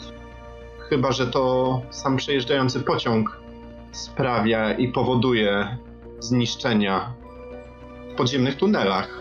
Ale jeżeli dobrze rozumiem, tym pociągiem, tym tunelem wcześniej przejeżdżał jakiś pociąg. To chyba coś żywego. Albo wybudził somnomorfy. Hmm. I wyciągam miecz za pleców. To zróbmy jeszcze tak, że. Aha, to słyszycie, ale pierwsza godzina, pierwsza godzina minęła. Tak jest. O kurde. Oznacza to tyle. Jesteśmy na razie na e, e, jednym otwartym zwiastunie i poproszę osobę, osoby na czacie o rzut K6 i podanie mi wyniku. Pierwszy wynik, który się pojawi, będzie wynikiem obowiązującym. Stracimy jeden moment albo dwa, w zależności od wyniku. Czekamy, czekamy. Czekamy na pojawienie się W bardzo dobrym momencie. No, e, no. Ekon wyciągnął ostrze i w tym momencie 6 znawca dżemu. 6. No to w takim wypadku piątka i szóstka to są wyniki, które y, kradną wam jeden dodatkowy moment. Więc hmm. obecnie jesteśmy na 11 momencie. Rozpoczynamy drugą godzinę gry, a wy, każdy z was zarobił po 3 punkty doświadczenia. Wow. Wiedzcie, że zanim pojawi się tutaj ten wagon, do którego chcecie się w, w, wtłoczyć się przez te dysze wentylacyjne, można trochę się cofnąć i rzucić okiem. Ryzyko jest, że się zostanie albo że coś sprawi, że się rozdzielicie, ale tylko mówię, że wam skafandrytom taki instynkt jakby czasowo podpowiada, że to jest do zrobienia. To ja bym to zrobił. Słuchajcie, to jest jakieś niebezpieczeństwo. Ja sprawdzę, co to jest. Hmm. Musimy być bezpieczni. Będziemy w I pociągu. Bez... Pociąg stąd odjedzie. Zdążę i dobrze o tym wiesz. Zaraz wracam. Widzisz, nagadałeś mu po prostu i teraz odczuwam nieprzemożną potrzebę udowadniania, że do czegoś się nadaje. No i zobaczymy, może udowodni sam sobie, że się nie nadaje do niczego i zamknie pysk. Wiesz, wiem, że byłbyś z tego powodu bardzo zadowolony, ale dla jej początku nie wróżyłoby to najlepiej. Sam przyznasz. Będę, będę obserwował go z tyłu. Jeżeli byłby w zagrożeniu, wtedy wejdę do. Jeśli mógłbym prosić, a ja przygotuję, a ja przygotuję się i ewentualnie nas do wskoczenia do pociągu. A za wyciągam, wyciągam taki e, e, pistolet, nie pistolet, no tak, to jest coś, co wygląda jak pistolet z harpunem i montuje na nim kotwiczkę, ponieważ y, zaczepia, tak się można zaczepić po pociągu. tak sobie wyobrażam. Czy to jest część twojego ekwipunku, czy też nie? Owszem. Super, bo jeżeli korzystacie z tych rzeczy, które macie w ekwipunku, to one też dodają o jeden... e, A, nie, poczekaj. Wyższy E, poziom. ja mam łom i latarnię. Nie, To jest e, część mojego ekwipunku czysto fabularnie. To nie jest część mojego ekwipunku mechanicznego. Ale mm, e, to też jakby jeszcze tutaj to sprostujmy. Jako, że ten e, ekwipunek jest opisany słowami takimi, jak wszyscy pamiętamy, że jest, to jakby dosyć uniwersalnymi. Jestem bardzo otwarty na waszą interpretację kolejnych konkretnych przedmiotów pod konwencję, w której gramy. Nie oczekuję, że ktoś z was będzie miał obtłuczoną koronę albo dywan, chyba, że zdecydujecie się mieć tą, tam nie pamiętam, czy obtłuczoną, czy jakąś tam koronę, czy dywan. Więc jeśli ty masz łom i co mówisz, i latarnię, staw? E, tak, łom i latarnia. Ale ja łom i latarnię mam. Ja łom i latarnię mam e, obmyślane, ale jako coś e, Rozumiem. innego. W sensie na razie to, to, to jest po prostu tylko taki tak flafowo, że coś tam wyjąłem. Jak najbardziej, ale jeśli do- będziecie chcieli trochę powergame'ować, to skorzystajcie z Jasne. tego ekwipunku i go nagnijcie do konwencji. Znaczy, widzę, że musimy tu power game'ować, żeby zdawać te testy. No, nie, Otóż bo, to, bo są tak to śmiertelne. Dobra, zostawię tutaj fragment mojej odczepianej linki, bo mam też takiej przy, przy, przy, przy pasku, e, no taką po prostu linkę, tak jak samochody niektóre mają, takie pick-upy w Stanach pod koniec, takie Mhm. się rozwija. Dobra, Zahaczam o jak, jakiś głaz tutaj i idę do tyłu. Zabezpieczam was, bądźcie spokojni. tuj. Każdy krok w głąb tego y, podziemnego wejścia to wyciszanie rozrywającego mózg pisku. I jak tam byłeś jeszcze w tym, o, wiesz, serwisowym okopie, to to nie jest aż tak odczuwalne, ale jak teraz się oddalasz od tego, to ulga w głowie jest absolutnie nie, nie, niesamowita. Aż nie wiesz, jak to wytrzymywałeś tam będąc. Ale to od razu jest zastępowane takim upartym drążeniem kamieni. To nie był upadek głazu na głaz. Nie, to jest raczej jakby jakieś wiertło rozłupywało skałę, albo jakby ta skała powoli pękała. Czy widzę, gdzie to jest, albo czuję mniej więcej, skąd są te drgania, czy jest jakieś epicentrum? Yy, najpierw widzisz chmurę dymu, takiego pyłu bardziej. Ona jest już w tej części wąwozowej, no nie? Bo wy z tego okopu serwisowego sz- szliście korytarzem z, z odaszonym, a dalej jest wspinający się pod górkę z twojej strony wąwóz z otwartym niebem i tam wznosi się pył. I jako, że ty jesteś w ciemnym miejscu, a tam jest jasno, jasne miejsce, to musisz chwilkę przyzwyczaić wzrok, zanim wypatrujesz, że w tym pyle ktoś się rusza. Jest jakiś taki ruch ramion, widać głowę. Echonie, czy ty, bo ty deklarowałeś, że chcesz patrzeć, pilnować Tuima, y, nie wiem jak to nazwać, co robisz? Czy ty zosta- y, pomagasz Staffowi, czy idziesz za Tuimem? Ja zadeklarowałem, że będę zabezpieczać jego tyły, a więc chcę wskoczyć na jakąś, nie wiem, większą skałę, coś takiego, na której będę mógł tak przycupnąć, jak drapieżnik, tak na czterech łapach niemalże i będę właśnie obserwował, co się z nim dzieje, żeby w razie czego mógł zrobić takiego nura i znaleźć się blisko niego. Jak klasyczny Daredevil. Y, Ale i robi, robimy to we wnętrzu tunelu. Rozumiesz, to nie jest tak, że wy jesteście na powierzchni, bo nie chcieliście być widoczni przez pociąg, no nie? Mamy tunel, którym podróżuje Tuim, a ty y, dzięki swojemu skafandrowi chodzisz, jak nie wiem, jak Spider-Man po ściankach tego y, korytarza, tego tunelu. To znaczy, to zależy od skali, nie? Bo sobie wyobrażałem, że to jest taki wielgachny, że tam może być jakiś taki wielki stalaktyt, tam sta...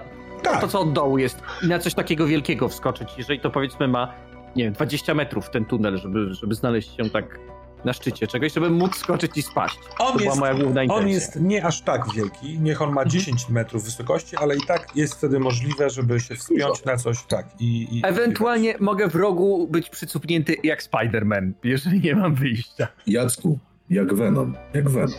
Jak Venom, masz rację. E, Dobrze, jak rozumiem, idziesz gdzieś na e, higher ground, żeby widzieć z góry Tuima i więc w takim wypadku ty też dostrzegasz e, w głębi tego tunelu, tam gdzie się właściwie kończy ten tunel, wznoszący się pył skałowy taki. I w tamtą stronę idzie Tuim. A ty, Stafie, przygotowujesz sprzęt. Mhm. I Bo ja- jedno, jedno jest pewne. Tak? Jeśli w środku pociągu będzie tak samo z tym dźwiękiem, to rozwali ci głowę. Mhm. To, się, to, to zaczyna być zbyt upierdliwe. Mhm. Rozumiem. No cóż, no to ja będę w takim, takim e, próbował e, przez ten czas e, e, zmajstrować sobie coś, e, co e, wygłuszy mi, co wygłuszy mi po prostu dźwięki. Mhm. E, I e, przychodzi mi do głowy taka e, prosta rzecz, którą, którą mogę próbować zrobić, czyli, czyli no ten, ten mój hełm ma wiele różnych no ma jedno główne otwarcie tutaj, ale ma też inne pomniejsze otwory i takie powiedzmy jakby serwisowe. No i będę próbował jakoś w te otwory y, serwisowe jakoś je tak zabezpieczyć, tak żeby mój e, hełm był bardziej wygłuszony i na to przygotować. E, co się, po, co- po co sięgam najlepiej? Mhm. E, Korzystając z tego, że jesteśmy pod ziemią, em, spróbowałbym zobaczyć, czy nie ma tutaj jakiegoś podziemnego mchu albo czegoś takiego, bo wiemy, że, e, że to jest i to zbieramy. I nie jest mi to obca substancja. No, nie powinienem niby sobie tak strony. Wydaje mi się, że e, w obecnej sytuacji to chyba będzie e, e, najlepszy rodzaj wytłumienia. I staram się, wyciągam jakąś, wyciągam ja, ja, ja, jakieś takie coś co, typu, nie wiem, no, nóż albo coś, co pozwoli mi rozgarnąć glebę albo odłupać kawałek ściany, zobaczyć, czy może uda mi się znaleźć trochę substancji, właśnie tej muchowatej substancji, którą zbieramy. Na Mhm. przykład na opał albo coś takiego. To z czego chciałbyś skorzystać? E, no zdecydowanie tutaj będę korzystał z mojej umiejętności e, przetrwania Mhm. e, i e, myślę, że podchodzę do tego w sposób dość kreatywny. E, Tak, wynajduj.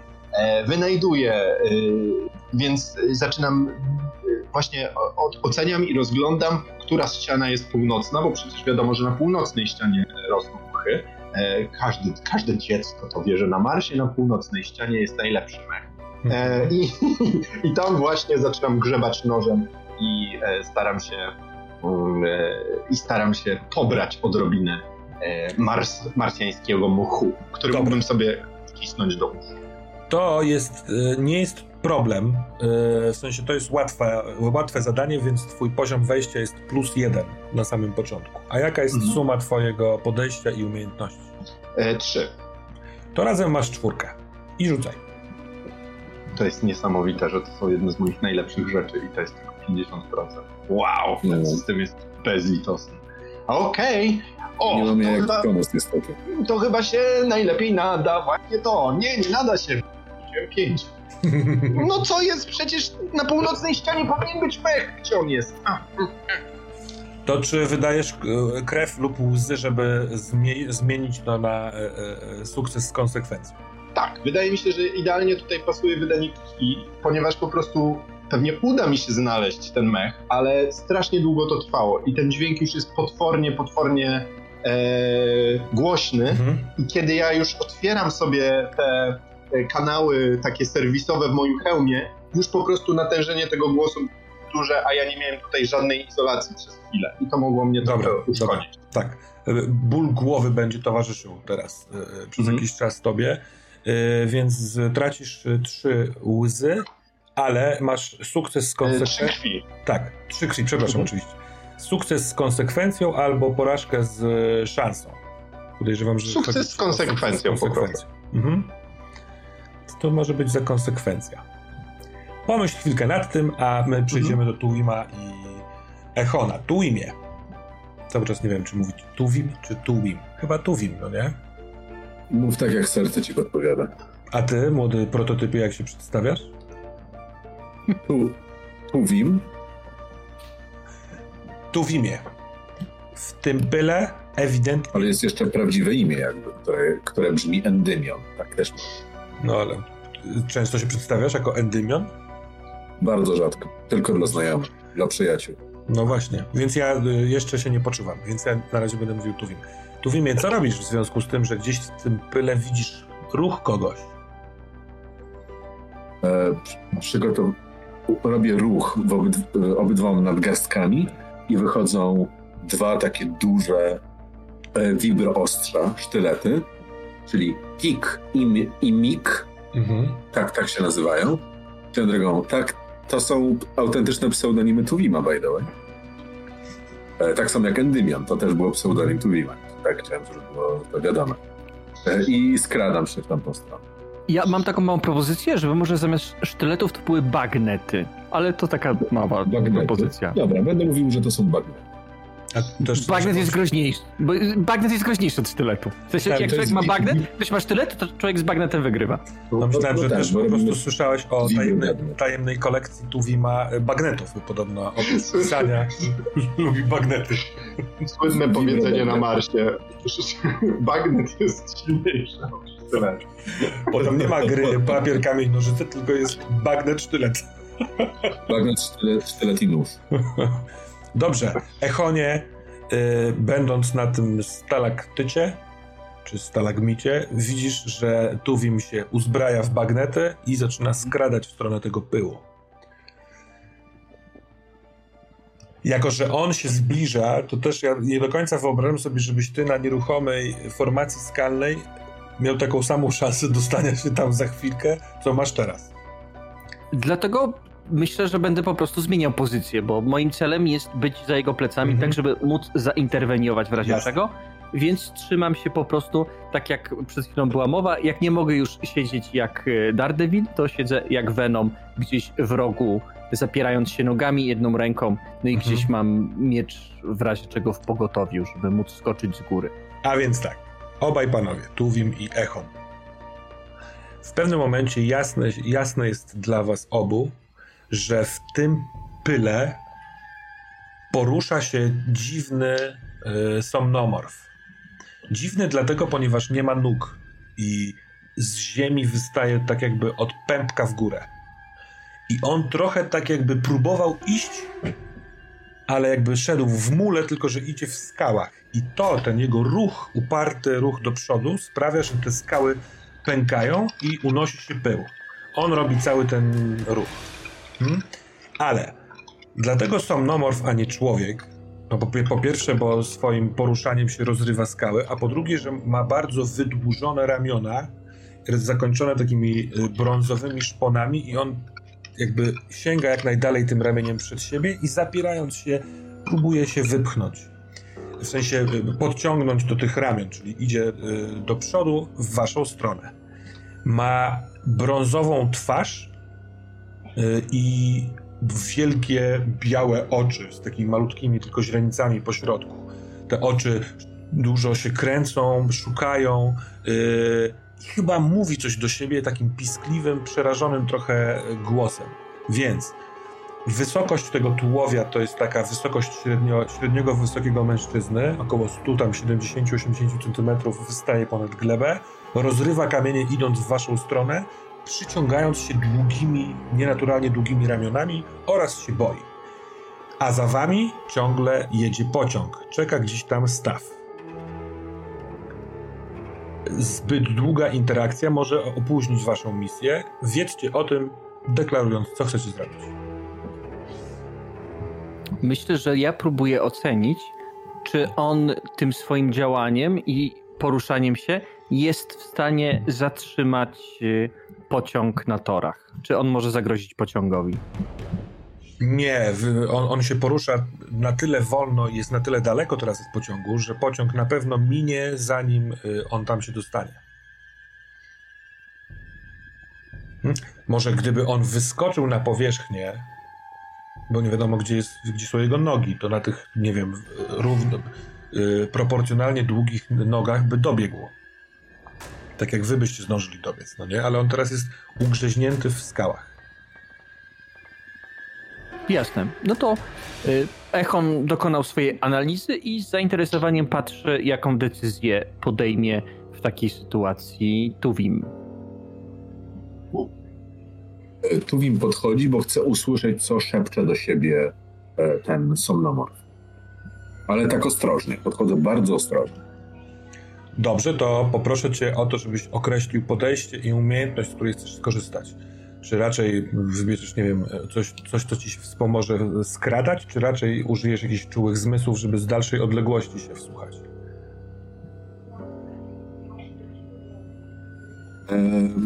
raczej e, czułych zmysłów, bo całkiem nieźle obserwuję, jak rozumiem, obserwacja to jest takie, to są takie zmysły, więc chcę podejść tak, żeby ten mnie jeszcze nie widział, ale na tyle blisko, że mógł usłyszeć co. Bo powiedziałeś, że szepcze, więc podejrzewam, tak. że już coś słyszę, ale jeszcze nie do końca wiem. Mhm. E, ja mam jedną małą Plus, uwagę. Tak. Przepraszam, to skończ. E, chciałem jeszcze tylko powiedzieć, że mam jedną jeszcze rzecz, czyli taką bardzo ciemną togę, która pozwala mi się lepiej ukrywać. Mhm. Ciemna toga da plus jeden do punktu wyjścia. Y, to, co chciałem powiedzieć, bo jak robiliśmy światotworzenie, miałem wrażenie, że ustaliliśmy, że somnomorfy, one są, śpią, jak są aktywne mhm. i robią rzeczy. A jak są przebudzone, to są spokojne. Tak. Potwierdzam to. tego cały czas. Okay, tak, tak, tak. Czyli inaczej, one, y, jeżeli są agresywne, dzikie, y, nieobliczalne, to najprawdopodobniej śpią i to jest jakby sen i nimi powoduje. Mhm. Ja to tak zrozumiałem. A, A on jest przebudzony. A nie, nie, nie widać po nim, że, czy jest przebudzony. Zachowuje się trochę irracjonalnie, więc możliwe, że śpi. Bo były oczy po prostu jego źrenicy opisane i mm, o tym myślałem.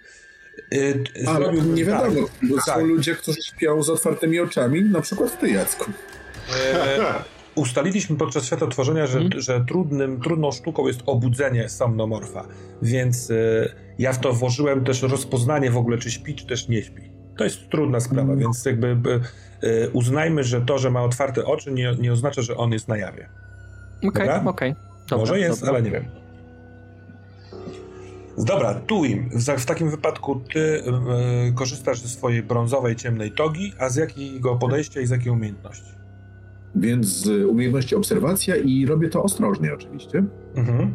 Jest plus jeden w punkcie wyjścia ode mnie, dlatego ponieważ on jest zajęty czymś, co sprawia, że naprawdę nie zwraca uwagi na to, czy ktoś się do niego zakrata, czy też nie. To jaki masz punkt wejścia? Jak rozumiem, 3 czy 5? Yy, jedynkę za togę, jedynkę ode mnie i suma yy, podejścia... Dwa za ostrożność i jeden za umiejętność. Pięć. I rzut to jest 3. Wspaniale, to pełen sukces. Oto, co, co szepcze do siebie, a właściwie pojękiwuje y, somnomorf. Więc podchodzę i właśnie, no jakie tajemnice mi dzisiaj wyjawisz? Istota z podziemi. Cały dom trzeszczy, cały dom trzeszczy. Trzeba uciec szybciutko. Nikogo nie uratowałem. Wszystko się zawali. Cały nasz dom podziemny trzeszczy trzeszczy i pęka, wszystko pęknie i się zawali. Uciekajmy, uciekajmy. O wielki ojciec, i tak wszystkich zawalaczy potem zgniecie sobą i zobaczymy. Oj nie, a jak mu się nie uda, lepiej uciekać. Nie mogę ruszyć nogami, dlaczego cały czas jestem w środku, jak stąd wyjść? To w tym kierunku się kręci jego narracja. Jasne.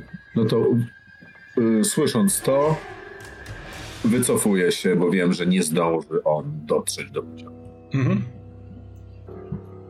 I myślę sobie, wielki ojciec, czy słyszałem coś, może w książkach, które czytałem na ten temat, albo z raportów jakichś obserwacji. E, jest to rzecz do przetestowania, jeśli chcesz, na, na umiejętność, która się nazywa kultura. Jeżeli chcesz chwilkę się zastanowić, nawet ruszając, to nie, nie musicie spo, spowolnić, to nie ma sprawy. A, nie jest to wykształcenie? Mm, nie, to raczej kultura. A, to nie, to nie mam. Mm. Pójdę ci na rękę w taki sposób, że to może być wykształcenie, ale wtedy poziom trudności, ten punkt wejścia jest y, minus jeden. Bo to jest rzecz raczej związana z kulturą tych somnomorfów, yy, opisywana wiedzę taką nabywaną dosyć rzadko. Skoro tu jest rozróżnienie tych dwóch umiejętności, to chcę się tego trzymać. Rozumiem. A rzucę sobie, mam małą szansę na to, ale rzucę sobie. No to chciałbym wiedzieć bardzo. Czyli wracając do serwisowego okopu, że tak to nazwałem, yy, yy, próbujesz sobie przypomnieć, czy w księgach gdzieś wyczytałeś o Wielkim Ojcu. E, tak, teraz tylko mam problem, w jaki sposób to robię. Czy w kreatywny, czy ostrożny? Nie, ostrożny raczej nie. No bo jakby. Znaczy, przywództwo, Wiem, przypominaj sobie. Przywództwo, przypominanie sobie jest przywództwo. Tak jest. Okej, czyli miałbym jeden w takim wypadku. Czyli zero, czyli nie mogę tego zrobić, bo, albo tylko przy szóstce. y, Przy Nie, jednym, nie, nie. tak? Y, Jak masz zero, to nie możesz tego zrobić absolutnie. No to nie mogę tego. Jest to poza twoim zasięgiem. To jestem w takim wypadku ciekawy tylko i powtarzam to sobie. Mhm. Wielki ojciec, o co może chodzić? Ja myślę, że gdy powtarzasz o tym wielkim ojcu, to Echon zeskakuje obok, patrzy na ciebie. Ciekawa decyzja. I razem z tobą idzie z powrotem do. do. Mm, Okopu serwisowego. Stafa. Mhm. Dobrze, więc Staw, nie do końca słyszysz, że oni nadchodzą, bo się w miarę y, z sukcesem ogłuszyłeś, ale czy masz Mhm. pomysł na konsekwencje tego? Tak, mam pomysł na konsekwencje. Pomysł na konsekwencje jest taki, że mech marsjański nie jest substancją całkowicie bezpieczną, jak wiemy, e, i schodzenie pod ziemię nie jest całkowicie bezpieczne. E, myślę, że nawet jeżeli już nawet jeżeli już tego e, pisku czy, czy hałasu nie będzie i ja ten mech usunę, to on może pozostawić długotrwały efekt na moich sensorach w hełmie. Typu jakieś szepty, jakieś właśnie tego typu rzeczy, bo może mi się wydawać, że słyszę. Super. Więc tak, i kiedy docieracie Ekon, y, Echon i Tuwim do Stafa, to uznajmy, że Staf jesteś, masz wyciszone słyszenie oraz przygotowaną swoją y, tą, mm, ten kotwiczkę do złapania dysz. Y, Echon i Tuwim nie jesteście przygotowani jeszcze. Macie jakby czas na zrobienie jednej rzeczy y, zgodnej, znaczy, żeby się przygotować. Co chcemy zro- zrobić, zanim będziemy testować wejście na pociąg? Ja może od razu powiem, że? Y, Przepraszam, tylko bo ja przygotowywałem się, w związku z tym ja już wydałem swoje pedeki. Dwa z trzech. Bo przypominam, że mamy dodatkowe PD, które wy, wy, wydawać. Czyli Tak, mogłeś od razu go wydać. A na co wydałeś? e, Na e, powiększenie sobie od 0 do 1 umiejętności i został mi jeszcze jeden punkt doświadczenia. Wykupiłem sobie jedną, jeden, jedną rangę w uzbrojeniu i jedną rangę w sprycie. Super. Nice. Czyli skill na pierwszy poziom kosztuje jeden punkt, tak? Tak jest. Tak. Skill A na drugi poziom? na drugi poziom 4. Bo Wow. wartość poziomu razy 2. A podejście można też podwyższać i podwe, po, po, po, podejście kosztuje nowy poziom razy 3. Podejście to jest to, co jak spadnie, to wtedy się skończy gra. Nie, nie, kiedy nie, nie. tracisz na, na łzy i krew, to zaczynasz tracić podejście. I jak spadnie ci to do zera, to padasz. A kiedy pada postać, to gracz podejmuje decyzję, czy przeżywa i dzieją się dziwne rzeczy, czy umiera i wtedy cała banda zyskuje dużo punktów doświadczenia, a ty robisz nową postać. Mm. Aha, a zaczyna się z poziomem podejścia równym 0, tak? Nie, Nie, no to masz chodzi- plus 2, plus 1, plus 0. To jest Tu standard. chodzi o to ostrożne, kreatywne i przywódcze. To to jest. y, Jasne, podejście. jasne, że są podejścia. Mhm. Jasne. Spoko, spoko. Zatem, y, Echon i Tuwim, co robicie? Czy chodzi o przygotowanie się do sko- tam do wejścia, czy chodzi o ochronę przed hałasem? Y, W twoim przypadku i tak samo Echona musicie wybrać, bo jest czas na je, jedną rzecz. Jasne. A czy wiemy skąd jest ten hałas? Nie, to jest coś ewentualnie do y, wymyślenia, do, do spostrzeżenia, ale mm, potrzebowałbym deklaracji i testu. Oraz też zje ten czas, na który macie teraz, zanim trzeba będzie się podłączać pod pociąg, bo inaczej on przejedzie. Dobrze, to może w takim razie e, znowuż Echon spróbuje zająć jakąś najwyższą pozycję, żeby wypatrzeć to, co będzie groźne, znaczy w sensie groźne, to, co emituje ten hałas. Bo no, rozumiem, że ten hałas może nas tutaj całkowicie jakoś sparaliżować. Mhm. To bym E. użył tu. Mhm. To, tak, tak, właśnie słucham. Co chcesz użyć? Y, Myślę, że właśnie przez to, że chcę to zrobić jako dla całej drużyny, to użyłbym tu przywództwa i obserwacji. Bo nie robię tego ani ostrożnie, ani kreatywnie. Dobrze, to jaka jest suma tych twoich y, y, umiejętności? Tutaj modyfikator nie będzie ode mnie ani minus, ani plus, to jest 3. Czy jest jakiś mm. sprzęt, który ci pomaga, albo czy ci pomaga któryś z bohaterów? Ja sprzętu nie mam żadnego, który mógłby tutaj pomóc. Tu wiem, ja nie wiem, czy ty masz y, większą więź z Echonem. Mam większą z Echonem, tylko zastanawiam się, jak, jak to, mogę mu To właśnie tu mam, mam pomysł dla ciebie. W związku z tym, że ty masz znajomość pociągu jako tą special, no. to nie musisz korzystać z umiejętności, tylko y, jakby wiesz, no, słysząc, co widzi Echon i co słyszy Echon, możecie razem jakby, że tak powiem, wymyślić, co to może być. Więc jeśli korzystasz z tej asysty, bo masz. Yy, no, proszę bardzo. Ja mam też coś takiego, co się nazywa wszechstronnym wykształceniem. I pytanie, czy tutaj się może. Dysze paliwowe z drugiego wagonu ciągną się jednocześnie rurami do czwartego, bo tam są jakieś urządzenia, których nie wiem. Może tam się skup na swoich obserwacjach, bo być może tamto, tam jest coś, co generuje ten dźwięk. Dobra, i wiesz co, Echon, twoje wszechstronne wykształcenie może tutaj się przydać. To też podwyższy o jeden yy, punkt wejścia. Dobrze, i w tym momencie byłoby to 5. Mhm. I muszę wyrzucić poniżej. Poniżej. Dwa. Tadam! Więc tak, zanim udzielę Ci odpowiedzi, Echonie, to jeszcze ty tu wiem. Jak ty spędzasz ostatni moment, zanim będziemy wskakiwać na pociąg? oprócz tego, że mówiłem, to jeszcze biorę tą linkę, którą mam mhm. I szykuję się, żeby ją odpowiednio zarzucić na pociąg.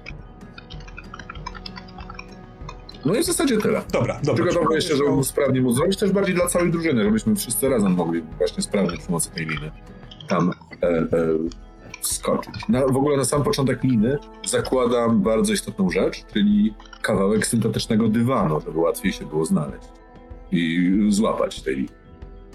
Yy, czyli masz syntetyczny dywan. Tak. Yy, zastanawiam się, czy spytać cię, czy też nie pytać cię, w jaki sposób syntetyczny dywan przywiązany do liny ma pomóc całej reszcie. Zdecyduję się spytać, bo odpowiedź może być śmieszna. No bo to jest, tak, to jest na bardzo podobnej zasadzie, jak zjeżdża się na takich linkach, nie łapiesz linki dłonią, dlatego że to jest niebezpieczne. Musisz mieć coś, na przykład syntetyczny dywan.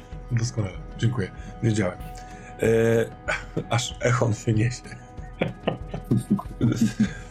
Dobra, zatem tak, drogi echonie. E, wspinając się na ławeczkę serwisową, wychylając się trochę ponad, e, ustalają, ustawiając się dobrze, tak jak mówi Tuwim, e, na słuch twojego mrocznego skafandra do tych dysz, wniosek jest prosty, jest dla ciebie taki. Przepra, przeprogramowana jakby ten komputer zawiadamiający podgrzewaniem e, lokomotywy sprawia ten dźwięk. Bo to jest odpowiednio dobrane, inaczej, guziki, dźwignie, które są w tej lokomotywie, które sprawiają, że to wszystko jedzie do przodu, one wydają dźwięki przy naciskaniu. To jest old school, mhm. retro. Więc pomajstrowanie przy tych wszystkich mechanizmach może sprawić, że y, coś się zawiesi i jeden guzik na stałe będzie wydawał ten dźwięk. Widocznie mm. wybrano kilka różnych guzików, które naciśnięto i one są nieodciśnięte i to jest ten upierdliwy, coraz bardziej yy, yy, dźwięk, który Stafa nie będzie borykał, ale was, Echonie i Tuwimie, tak. I on dobiega z komputera, to jakby generuje komputer, który jest w lokomotywie, czy to jest w innym miejscu? Komputer, który jest w lokomotywie, ale jako, że tam, tam jest zawiadamianie wszystkimi e, sprzętami w całym pociągu. Cały pociąg to emituje, ale centrala tego jest w lokomotywie. Hmm. Czas nadchodzi.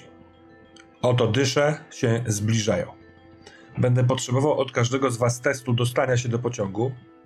Każdy z Was może podejść do tego po swojemu, y, używając umiejętności, jakiej chce.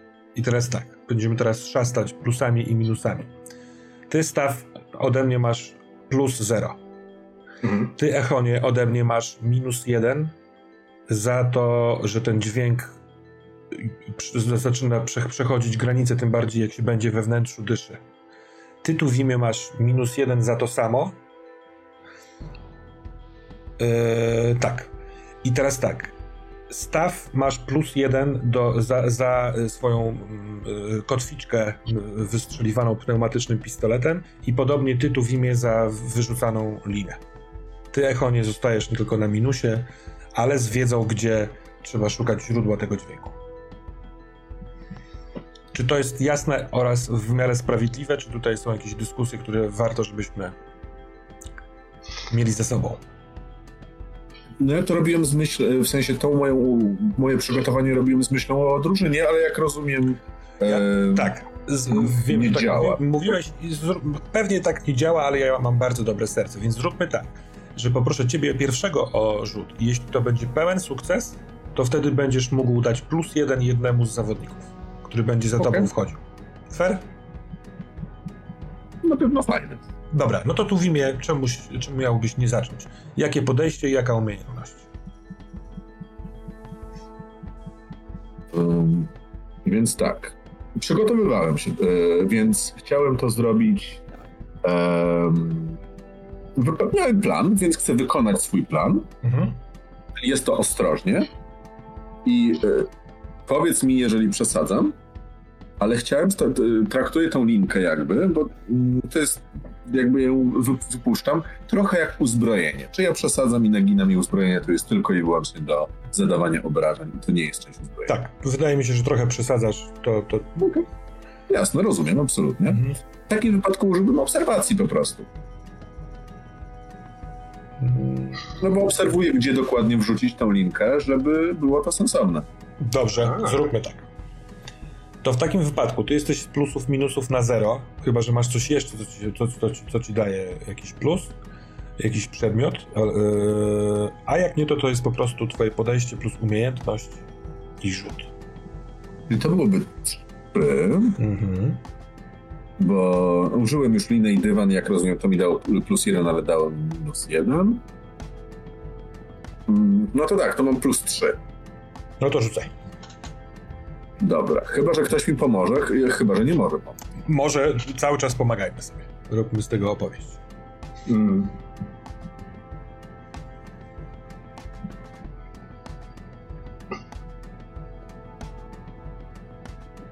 Słuchaj, Staw, może użyjmy naszych linek w tym samym momencie. Wtedy będzie łatwiej nam się przedostać.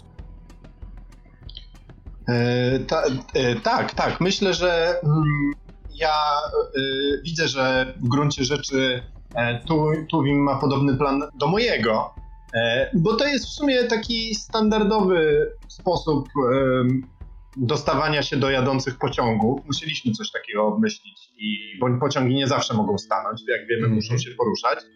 E, więc po prostu myślę, że proponuję coś takiego, że, że, że rzeczywiście, żebyśmy w skoordynowany sposób użyłbym tutaj koordynacji, e, e, wystrzelili jakby oznacza, znaczy pokazuje mu, gdzie ja celuję i e, pokazuje mu, gdzie on mniej więcej może, może celować, tak żebyśmy mogli się mm, dobrze i solidnie zaczepić.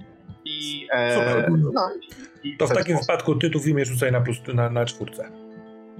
Na czwórce ekstra to rzucam D6. I wynik to jeden. Brawo, udaje ci się i jest to pełen sukces, więc możesz tę plus jedynkę przerzucić na przykład Echonowi, który na razie jest na minusie. O tak, to, da, to daje Echono, Echonowi. Echon, trzymaj się. Ty się martwiłeś o mnie, ja się trochę pomartwię o ciebie. Dam sobie radę bez twojej pomocy. Czy, czy nie przyjmujesz? To jest nieprawdą. E, e, no ja proponuję e, coś takiego. E, Ekon, słuchaj, jesteśmy zaczepieni w dwóch miejscach. Spokojnie cię podjąć i po prostu e, zrobić ci e, i po prostu zrobić ci wyciąg. Ja wiem, że rozumiem, że nie jesteś początkującym skafandrytą i, i dostawanie się do pociągu na wyciągu to jest trochę no, no takie, takie jak początkujący, ale wiesz, sytuacja jest poważna. Więc to, może dasz się po prostu wyciągnąć. Znam Robimy to na wyciąg? możliwości. I skaczę. Jakie podejście, jaka umiejętność? Przywództwo i akrobatyka. Pewnie, że tak. Nice. I e, jaka to jest suma? Cztery. Minus jeden, czyli trzy. Ale plus jeden za linę e, od Tuwima. Czyli odrzucasz ją. Tak. Dobrze. Och, jak. To rzucaj na trójkę. Ale Edgelord. Czyli... Je, czy jeden, trzy zdaje wtedy, tak? Nie, jeden, dwa zdaje. Jeden, dwa zdajesz, trzy zdajesz, ale z konsekwencją. Okej, okej, dobra, uwaga. Tu, tu, tu, tu, tu, tu, tu, tu, tu, tu, tu, tu. Cztery, kurwa. I teraz zobacz, jeżeli e, e, ktoś zmarnuje swój mniejszą, mniejszą więź, to może ci pozwolić przerzucić. Mhm. A potem Ja- albo od razu masz opcję wydania trzech punktów łez albo krwi, żeby zmienić porażkę na ten środkowy wynik, czyli sukces Mhm. z konsekwencją albo porażkę z szansą. Ja, e, ja widząc, co się dzieje, ja widząc, co się dzieje e, mm, i, i widząc, że on się szykuje do skoku, e, wiem, że wiem, że Ekon później będzie za to na mnie zły, ale kiedy już przebiega koło mnie rozpędzając się, korzystając z tego, że na Marsie nie ma zbyt dużego przyciągania, jest znacznie niższe od ziemskiego, kiedy on już mnie minął i podrywa się do skoku, to ja go wypycham w tyłek. To jest takie, żeby dodać mu trochę mocy. I rozumiem, że wydajesz na to jeden ze swoich mniejszych więzi. Tak. Dobra. To w takim razie Echonie przerzucaj. Pięć. No, Czy ja też mogę mu pomóc, czy nie? Pewnie, że tak. Dobra, bo Ale- ja już się... Mhm. Chyba, że wydam punkty, punkty krwi, ale możesz jeszcze pomagać. Ale, możesz, jest... Mhm. ale punkty krwi chyba tylko możesz do czwórki. Nie, no tak, ale wtedy mu się uda, tylko będzie miał jakąś konsekwencję. Tak? Myślałem, że na trójce y, się mu uda z konsekwencją. na Nie, nie, chodzi o to, że. było. Cho, tak, tak, tak, ale chodzi o to, że jeżeli. y, o, y, jak ilekolwiek okej. przerzucił, ma porażkę. To będzie, czy to jest czwórka, Jasne, piątka, czy szóstka. I tą porażkę można, o, y, wiesz, zmienić na sukces z konsekwencją. Rozumiem. I jak wolisz, bo ja po prostu z chęcią bym opuścił się taką linkę i złapał cię za e, em, ramię i przyciągnął z powrotem. W- Wydaje mi się, że jeszcze za wcześnie na to przy, przyjmowanie pomocy. Dobra, okej, czaję, czaję, czaję. Spoko. To w takim To- razie, Echonie, kto co wybierasz? Ja wybieram wydanie trzech punktów krwi i Mhm. myślę, że jak wyskakuje, e, wypchnął mnie i pomógł mi, pomógł mi mój towarzysz i przez to lecę pod innym kątem niż się spodziewałem i lecę w jakiś taki metalowy pręt, który pu, uderza e, Echona, Echon tam e, odbija się i fikołkuje, tam uderza w jeden kawałek blachy dachu pociągu, drugi kawałek, ale w ostatniej chwili wyciąga swój miecz i wbija go w kawałek tego dachu, ale słychać jak to ramię tak chrupie mu po prostu i tak jedzie ten kawałek na tym mieczu i wyciąga ten miecz i stoi na pociągu i widzi tylko staw. Myślę, że w tej małej wizurze takie czerwone oko, które się po prostu zapala ze wściekłości. Co nie jest oczywiście do końca zasłużone, bo Echon i tak by mu się nie udało, ale o tym wie tylko metafizyka. To ja jeszcze dopytam się ciebie, od razu nie musisz odpowiadać, ale jaką konsekwencję będzie miał ten sukces? Tak, w przyszłości. E, Rozciąłem kawałek dachu, a więc gdzieś jest rozcięty dach i to może zrobić coś później. Ale to jest konsekwencja dla pociągu, Mhm. a nie dla ciebie. Bo to jest, rozumiem, że konsekwencja osobista musi Tak, być. tak, w sensie, bo to jest, tobie się udało, ale jednak ponosisz jakiś koszt tego y, udania. Mi ten pociąg się podoba o tyle, że y, jeśli na tym staniemy, to ja te konsekwencje wykorzystam w trakcie waszego pobytu na tym pociągu. Jeśli rozumiesz. Y, Bo tu, poczekaj, bo tak widzę, konsekwencja komplikują sytu- kompli- konsekwencja komplikuje sytuację. Mhm. Przewodnik lub gracz może przedstawić jego propozycję lub wybrać jeden z poniższych przykładów. Opóźnienie, nieefektywność, permanentne lub czasowe utracenie jakiegoś dobra, dysharmonia i niezrozumienie, y, nadmierna siła rażenia na przykład. To nie wiem, wydaje mi się, że pomieszczenie, w którym jest rozwalony sufit, będzie dla nas jakąś konsekwencją i będzie... Tak, to jest fajne. No tak, tak, tak. Y, Po prostu pozwolę sobie ją spersonalizować wobec, y, wobec ciebie. Dobra, no dobra. Dobra, ale się udaje. I Stafie, jeszcze twój rzut na, na wejście. Z czego tylko Mam pytanie. Tak? Czy to plus jeden moje zostało jakby zmarnowane przez Jacka, czy teraz postać Jerzego może skorzystać z tego plus jeden? Ba- e, przepraszam, ale jestem absolutnie za tym, że zostało zmarnowane bardzo fajnym fabularnie ruchem Echona, który się wybił na tę pomoc, którą, na którą ty ciężkim potem zarobiłeś. Okej, tak gramy. Okej, okej. Tak. Stafie, stafie, natomiast ty nie masz punktów ujemnych za hałas, bo się zatkałeś mchem, yy, więc masz tylko plus jeden za swoją kotwiczkę. tak jest. Z czego E, korzystasz? korzystam z ostrożnej koordynacji, e, czyli e, wykonuję plan. Jest to, e, tak jak mówiłem już wcześniej, ko- skoordynowana akcja dostawania się na pociąg. Tak jest. E, jest to coś, co po prostu czasem skafandryci muszą robić. E, w związku z tym jest to jakieś wykonywanie planu. Nie jest Mhm. to dla mnie e, rzecz zupełnie nowa. W sposób skoordynowany po Kumam to. wystrzeli, wystrzeliwuję kotwiczkę i zaczynam się powolutku, powolutku, później odbijając od gleby, zwijać w kierunku pociągu, tak żeby w końcu przypaść do niego. Absolutnie to rozumiem. Za chwilkę rzucaj. Pozwolę sobie tylko zauważyć, że zostało 16 minut do tej drugiej godziny, więc e, wszystkie opisy musimy kondensować. Bang. Okej? Dobra, więc jaką masz sumę e, tej, tej mm, przywództwa i. Nie przywództwa, przepraszam, ostrożnej y, koordynacji. Nieważne, wyrzuciłem szóstkę na kostkę. Więc, czy ktoś pomaga za pomocą swojej większej więzi? Nie, to już za późno, bo już jest porzucie. Czy korzysta z mniejszej więzi, żeby, więzi, żeby przerzucić?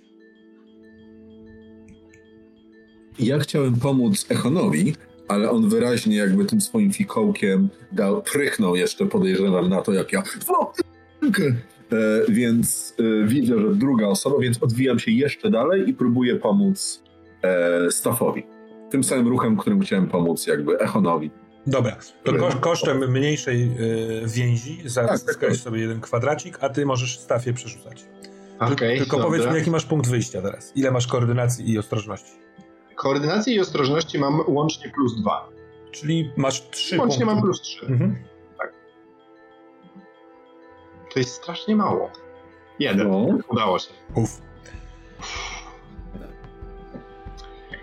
No, więc y, chociaż z perturbacjami to pum, przypadam do metalowej ściany e, wagonu. Ja cały ten test rozumiałem jako dostanie się tam, gdzie chcecie być.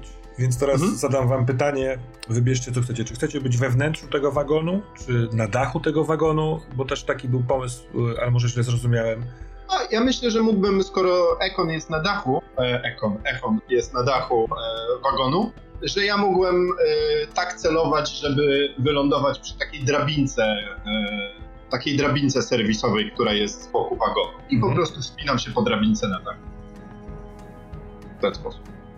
Jeżeli chcesz, Jacek, to mów. Możemy to na meta poziomie omówić, ja mam z tym luz. Na A, e, ponieważ e, zaraz skończy się nasz świat, tak chciałem zaproponować, że może już będziemy w środku. Też chciałem, tak, tak chciałem zaproponować, że jesteśmy teraz na dachu e, i tylko fabularnie wślizgniemy się do środka, bo jeżeli byśmy ca- każdy jakby dzielili, to nie jest chyba system do robienia takich Tak, super tak, tak. Dlatego jestem za tym, że chyba, że, no bo nie wiem, możecie też się rozdzielić i część was jest na przykład na dachu i idzie zewnętrzną stroną, a część wewnątrz. To, to, to też kupuje. To jest wasz wybór. Tak, ale plan był taki, że idziemy do tego konkretnie wagonu, bo tam nikt nie będzie wiedział w pociągu, że się dostaliśmy, aczkolwiek ktoś z tego wagonu z rozciętym sufitem mógł się tego dowiedzieć. Ja sobie wyobrażam, że jesteśmy już wszyscy przy tych takich dyszach, które zasysają to zimne powietrze i wypuszczają tą chmurę dymu i ja tam stoję i mówię, dobra, na trzy. To, to zasysa się. Wypuszcz, wy, i tak pokazuję. Trzy, dwa, wypuszcza się te, te opary dymu. Mhm. Chodzą się teraz i wślizgamy się do środka. Dobra. Środek wagonu. To jest wagon, yy, w którym. Nie to się nazywa. Piekarniczy. Jest kilka piecy, które, w których wypala się, w, w sensie robi się dużo, dużo, dużo pieczywa, różnych wypieków z mąki, którą jeden z poprzednich wagonów yy, w sensie zbiera pszenicę tą mars marsjańską i przerabia. Nieważne. Tu jest pusto. Tu nikogo nie ma. Nie ma pracowników, nie ma. E, zwykle powinien być ktoś, nawet jeżeli nie ma już jakby godzin pracy, ale ktoś, kto e, przechadza się, sprawdza. Zresztą we wnętrzu pociągu nie do końca obowiązuje dzień i noc, wszystkich przynajmniej.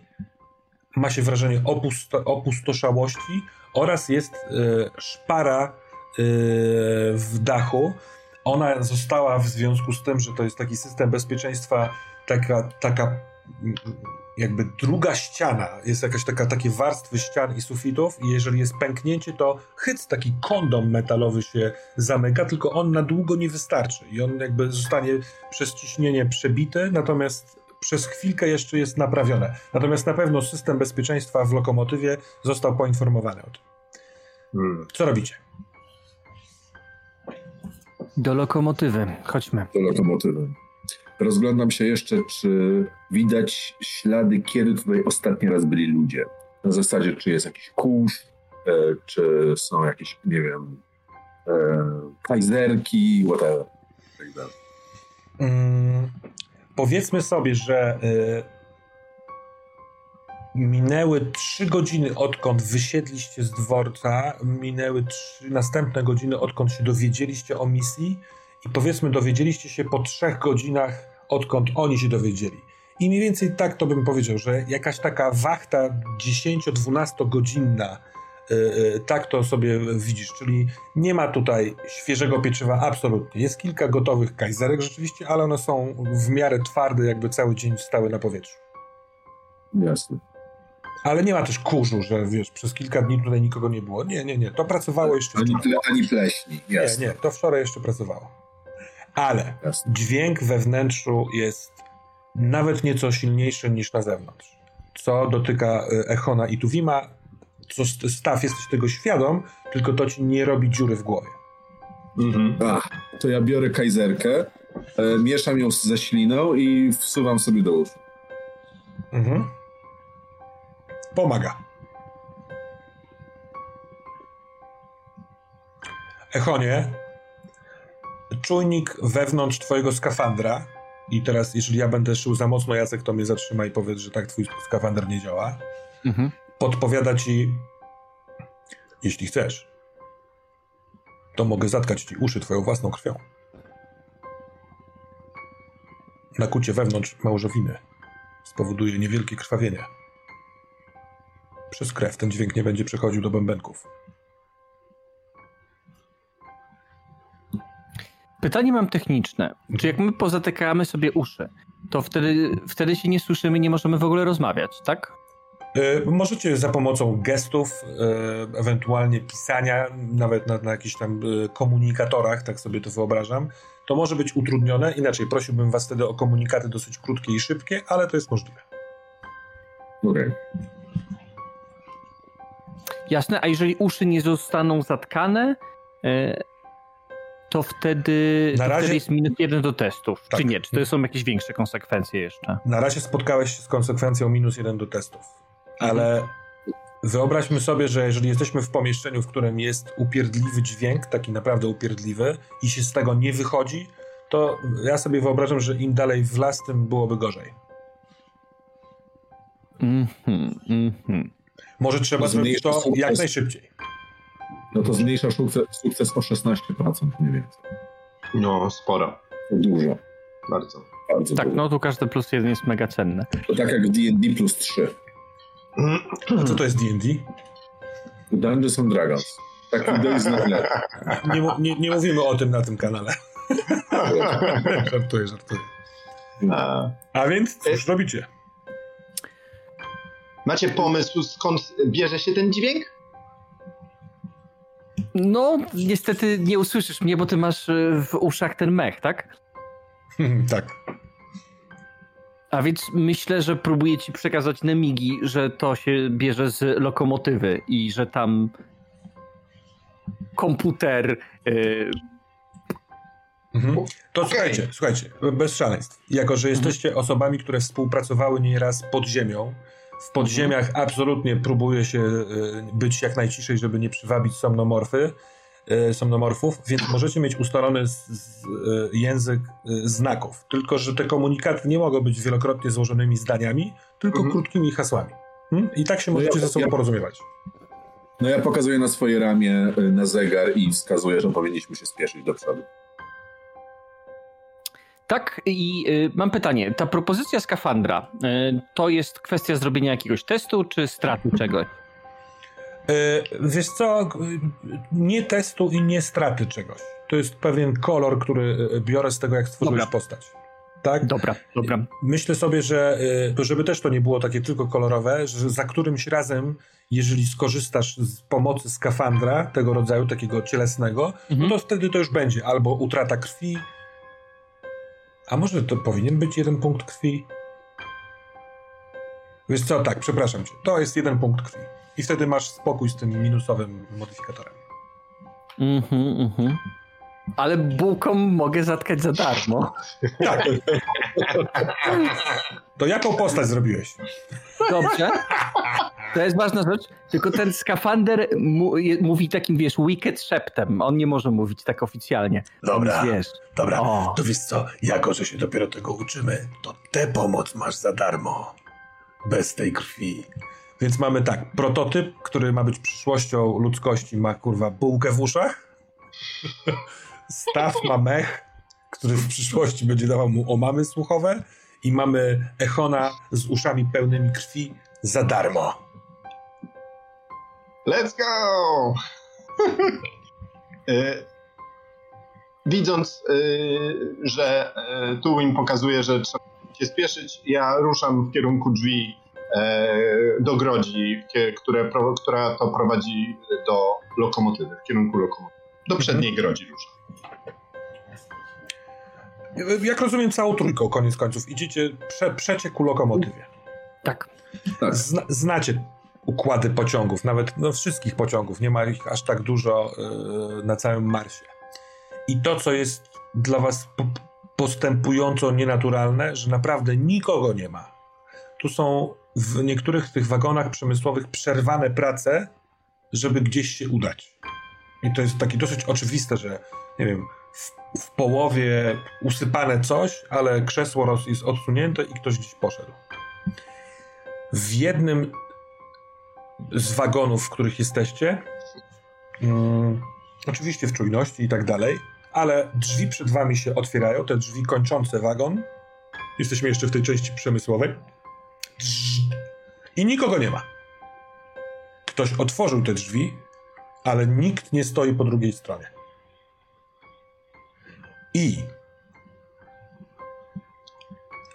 jeśli chcielibyście móc zareagować, nie wiem, z ukryciem się, zanim to coś, co, coś was zobaczy, to będziemy testować yy, yy, czujność. Wystarczy mi czujność jednego z was yy, za całą grupę.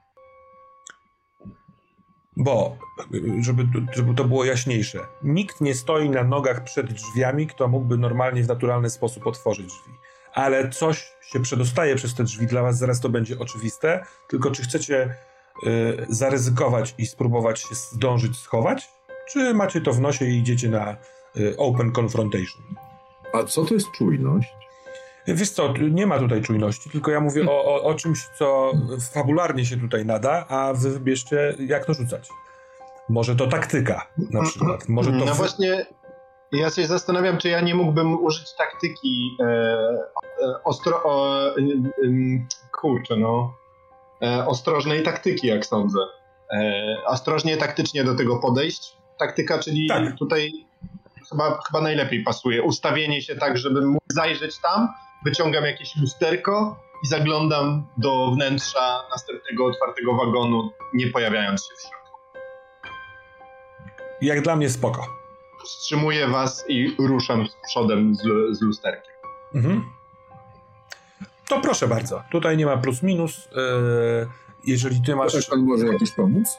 Możecie pomagać zawsze. To ja mogę pomóc następująco. Myślę, że to taka moja propozycja, że może zamiast lusterka użyjesz do odbicia, e, odbicia w moim mieczu. I w ten sposób ci pomogę. O, Okej, bo ja już wymyśliłem sobie, jak będzie. A, okej. Terko. Mam, mam, mam, przygotowane, mam przygotowany opis tego.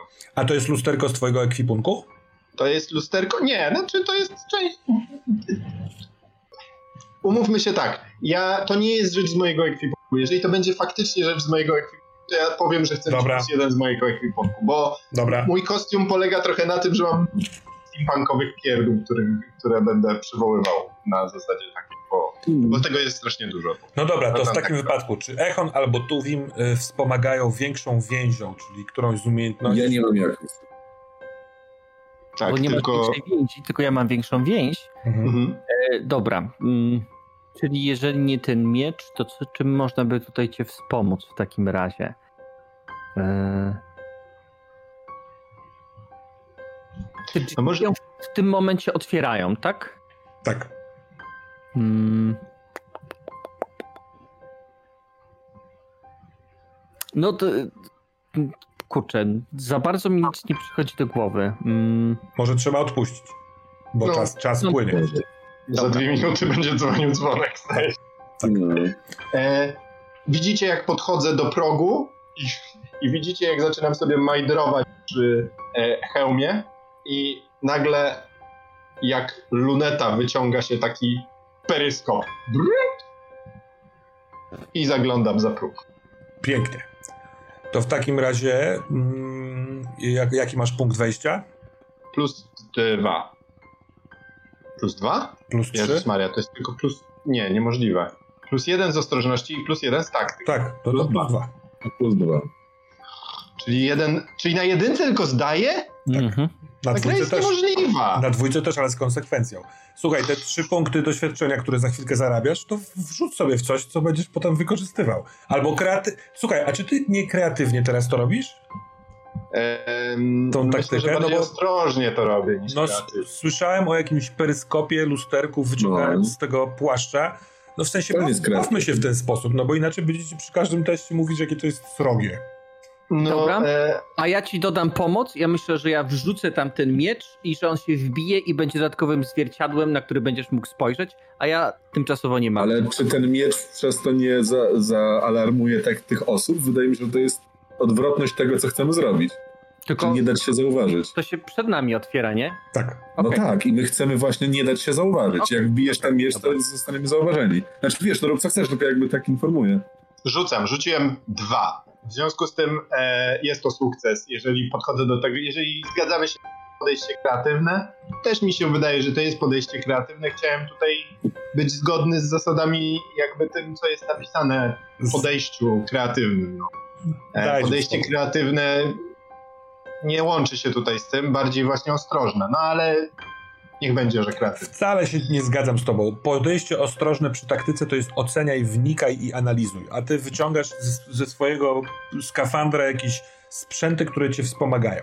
Nie, Mhm, nie żebym dokładnie. miał stuprocentową rację, ale e, na tyle margi w marginesie interpretacji. Tym bardziej, że ty widzisz coś, czujesz właściwie coś, dajesz sygnał i wszyscy kucacie za narzędziami, które są w tym wagonie. Ten timing. Banks. Upływa kolejne momentum. Jesteśmy cały czas w trakcie jednego zwiastunu. Eee, jeszcze. I w takim wypadku poproszę jednego z Was o rzut teraz. Dobra, to może ja rzucam. To rzucaj. Piątka i Rzucaj. szóstka to źle. Okej. Czwórka. To dobrze, to tracicie, tracimy jeden, w sensie jesteśmy na dziesiątym momentu. Dziękuję, dziękuję bardzo. bardzo. I startujemy ostatnie. I tak. Kilka spraw. Po pierwsze, znak stafa. Reagujecie natychmiastowo. W tym e, rolniczym w, e, e, wagonie znajdujecie miejsca, żeby się skryć. I najpierw słyszycie taki chrobot. Chrobot metalu o metal. A potem widzicie z tych swoich ukryć, że w tym wagonie przed wami, którego drzwi się otworzyły, po suficie przemykają się niewielkie stworzenia, elementy, trudno powiedzieć, o wielkości dużej monety cosie, których jest dużo i które tryk, posuwają się po tym suficie. W tym momencie, w tym samym momencie pociąg robi wstrząśnięcie. Dopiero później słyszycie wydobywający się gdzieś z podziemi bas. Tak jak byłaby burza, tylko że we wnętrzu ziemi. I ten grzmot trwa i trwa.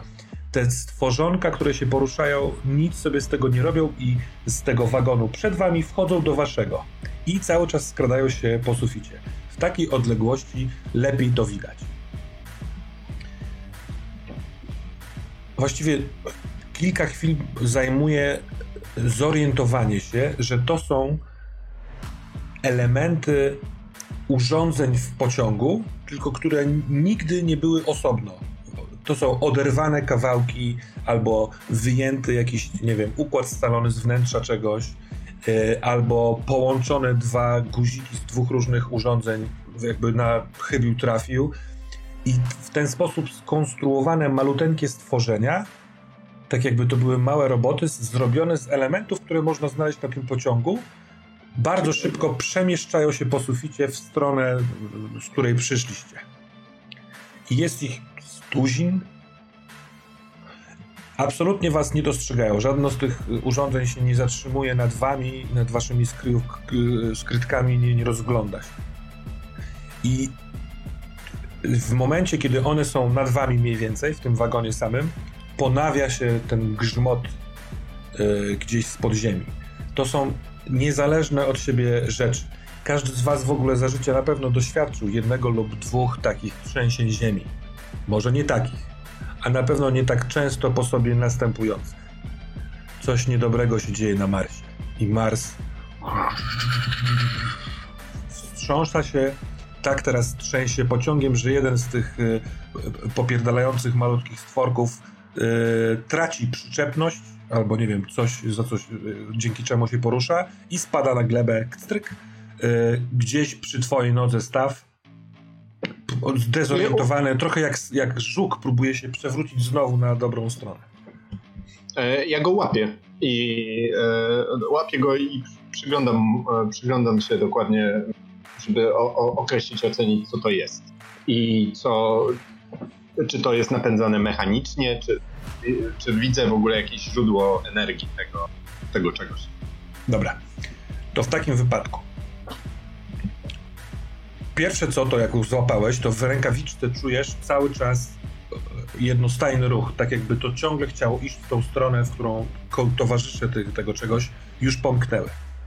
Więc masz wrażenie wręcz, że jak otworzysz palce, to coś po prostu jak najszybciej czmychnie.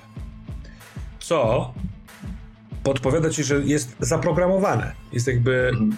stworzone do tego, żeby iść w danym kierunku.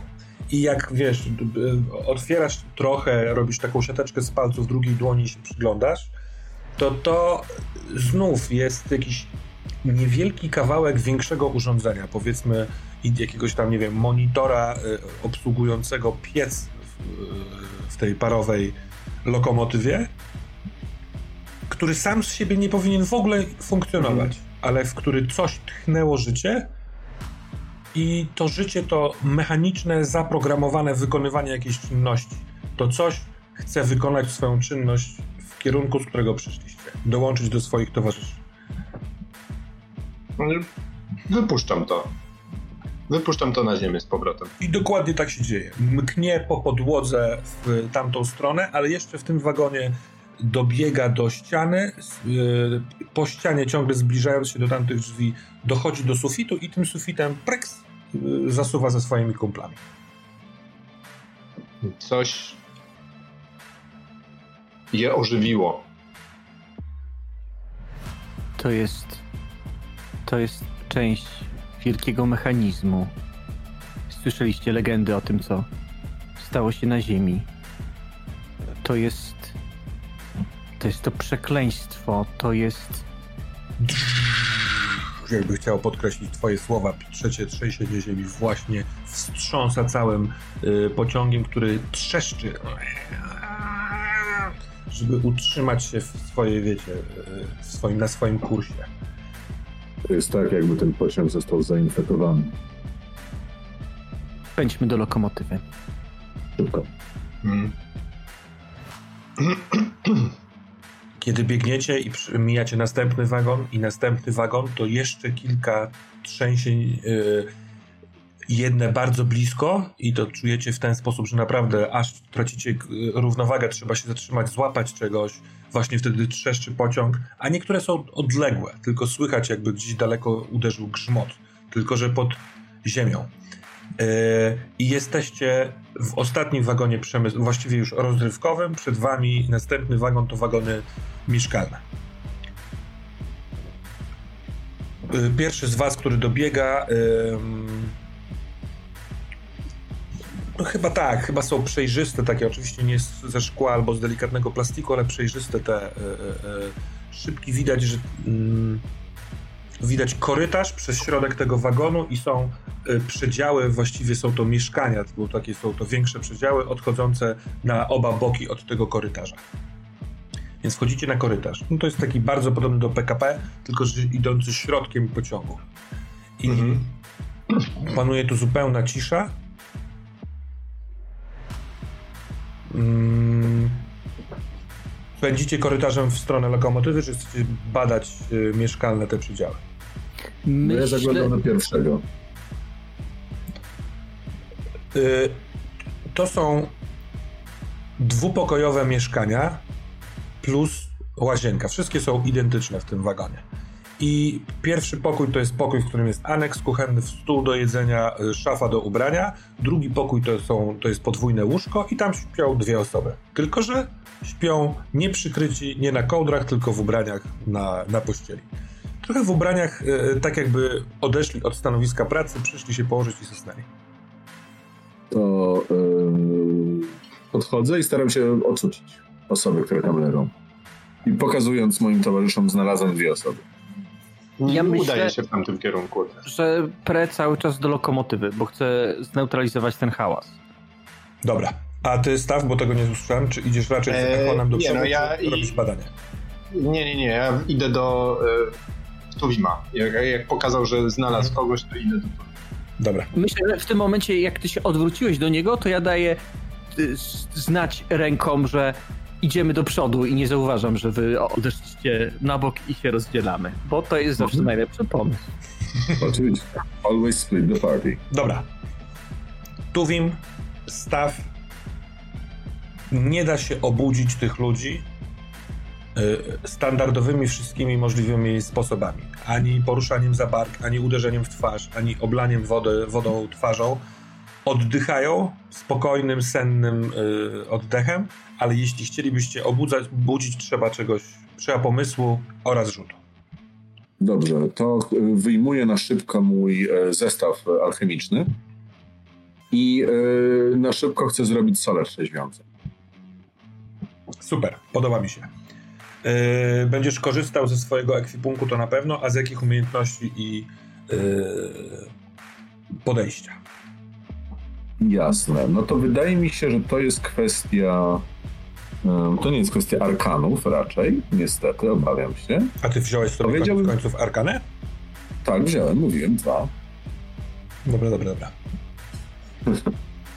e, ale arkane chyba tutaj nie pasują. Wiesz co, Argana jest według opisu tego słabego opisu startera do wyczuwania magii. No jest. A... Mm, jakby to powiedzieć? Nie, nie, pewnie, pewnie. To więc wybiorę wykształcenie po prostu. Bo chyba to masz sens, nie? Wykształcenie. Tak, ma to sens. Masz dwa na wykształceniu? Jeden to wtedy, to w takim wypadku użyj arkany. I jak się uda, to, to, będziesz wiedział razem z moją odpowiedzią dlaczego, a jak się nie uda, to i tak się O, jak ładnie. I to w takim wypadku jest yy, yy, to chyba jest kreatywność w takim wypadku. Wolałbym ostrożność, ale to jest chyba kreatywność. Mhm. No bo badaj, twórz, rozbudowuj, a nie wyczuwaj, nastraj, prowadź dochodzenie. Więc dwa to trzy, to cztery. A ja próbuję ci pomóc, e, mhm. kiedy widzę, że ty coś przygotowujesz, jakiś, jakiś ten, żeby jakiś taki, nie wiem co dokładnie, ale widzę, że coś przygotowujesz, żeby obudzić. E, mój sposób na budzenie jest prostszy, ale widzę, że możemy się zająć tą samą osobą. Wyciągam latarnię a właściwie taki, no taką jakby żarówkę, którą mam. I to jest moja latarnia.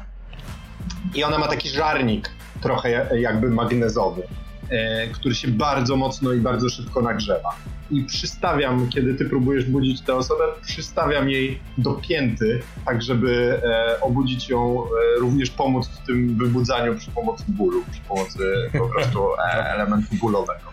Dobra, a powiedz mi, czy ty mechanicznie korzystasz ze swojej większej więzi i dodajesz y, poziom wyjścia Tuwimowi, czy ty robisz osobną akcję po prostu? Nie, nie, nie, to jest właśnie to. Tak, bo nie pamiętam, który z was ma większą więź.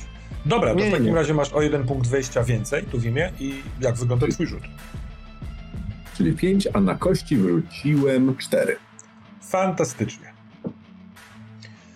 Jeśli wrzuciłeś 4, to zróbmy tak. Masz tej przyrządzonej soli trzeźwiącej, która zadziała dla powiedzmy 10 osób. Hmm? To jest e, e, tego rodzaju sukces i udaje ci się wybudzić jedną z tych osób tutaj śpiących. To, są, to jest kobieta i mężczyzna. Wybierasz kobietę czy mężczyznę? E, a która osoba była bliżej? Kobieta. To kobieta. I w momencie aplikacji z jednej strony y, twoich sól trzeźwiących, a z drugiej strony od strony pięt y, podgrzanego urządzenia, y, ta kobieta zaczyna w pewnym momencie się wiercić, e, e, e, wydawać jakiś dźwięk i szybko się orientujecie obaj, że ten dźwięk jest o tym samym brzmieniu, jak ten dźwięk wydobywający się w pociągu, tak jakby ten, ta sama, ten sam ton, wysokość dźwięku, tylko oczywiście jest robionego po ludzku. I ona z tego wzrastającego swojego dźwięku otwiera oczy natychmiast, jest przestraszona waszym widokiem. Gdzie ja jestem? Co się stało? Jesteś w pociągu. Ktoś was um, uśpił. Co ostatnio pamiętasz? Y, przy... Jaka jest ostatnia rzecz, którą pamiętasz? Zasłania uszy odruchowo, ale widząc, że nic się nie dzieje. Ojej, ten dźwięk. Cały czas go słyszę. On, on był nie, nieznośny, on był, on był straszliwy. Aż w pewnym momencie usłyszałem, że mam iść, iść się położyć, to to przejdzie. I on był tak nieznośny, że to zrobiłam. Zresztą odwraca się i patrzy w obok i... Hubert? Co on robi w moim łóżku? Hmm. A, czy nie znacie się. A, Znamy się. To, to, mój, to mój kolega z pracy. Rozumiem. Ale gdzie jest mój mąż? Ale nie kochanek, pewnie. Dobrze, czy wiesz, jakie osoby czekaj, tutaj czekaj, są? Czekaj, czekaj, czekaj. E, próbuję gonić konwencję, na którą się umawialiśmy i na to, powiedziałeś, ale nie kochanek, to ona czerwienieją jej policzki, robią się duże oczy i uderza cię z plaskacza w twarz. Oczywiście chyba, że złapiesz tę rękę czy coś. Nie, nie łapię tej. Jak pan śmie? E, po pierwsze, jak masz... Ała. Po pierwsze, jak masz na imię? Mam, mam, mam na imię Antonina. Więc Antonina. Czy jesteśmy skafandrytami? Czy byliśmy tutaj uratować cię i ten pociąg? Wow. Jak mogę pomóc? Ty znasz istotne osoby w tym pociągu, które są e, dowódcami, mechanikami, konduk może, może wiesz, gdzie jest konduktor. E, konduktor ma na imię e, Venice i e, no, Venice. zwykle jest blisko bardzo tego przedziału konduktorów, wagonu konduktorów. To jest drugi po lokomotywie. A szefem jest, w sensie maszynistą głównym jest Bolesław. Bolesław, słuchaj, masz tutaj cztery dawki soli trzeźwiącej. My musimy iść szybko do pociągu. Obóz cztery osoby, które wydaje ci się, że są istotne, żeby mogły nam pomóc. Strażnicy, może jacyś skafandryci tutaj, a my pędzimy w tamtą stronę. Dobra. Bardzo mądry. I tak, jak wstajecie od niej, to tak, to, że rzucałeś na arkanę yy, tu w imię prototypie, mm, jasne dla ciebie jest i oczywiste, że sama mechanika, elektronika takiego czegoś zrobić by nie mogła. Oni słyszą głosy, więc jest w tym element jakiś, jakiejś arkany. Na razie to tak zostawmy, ale połączenie mechanizmu z magią, czyli z czymś, co ktoś ewentualnie zrobił, jest w tym gdzieś ukryte.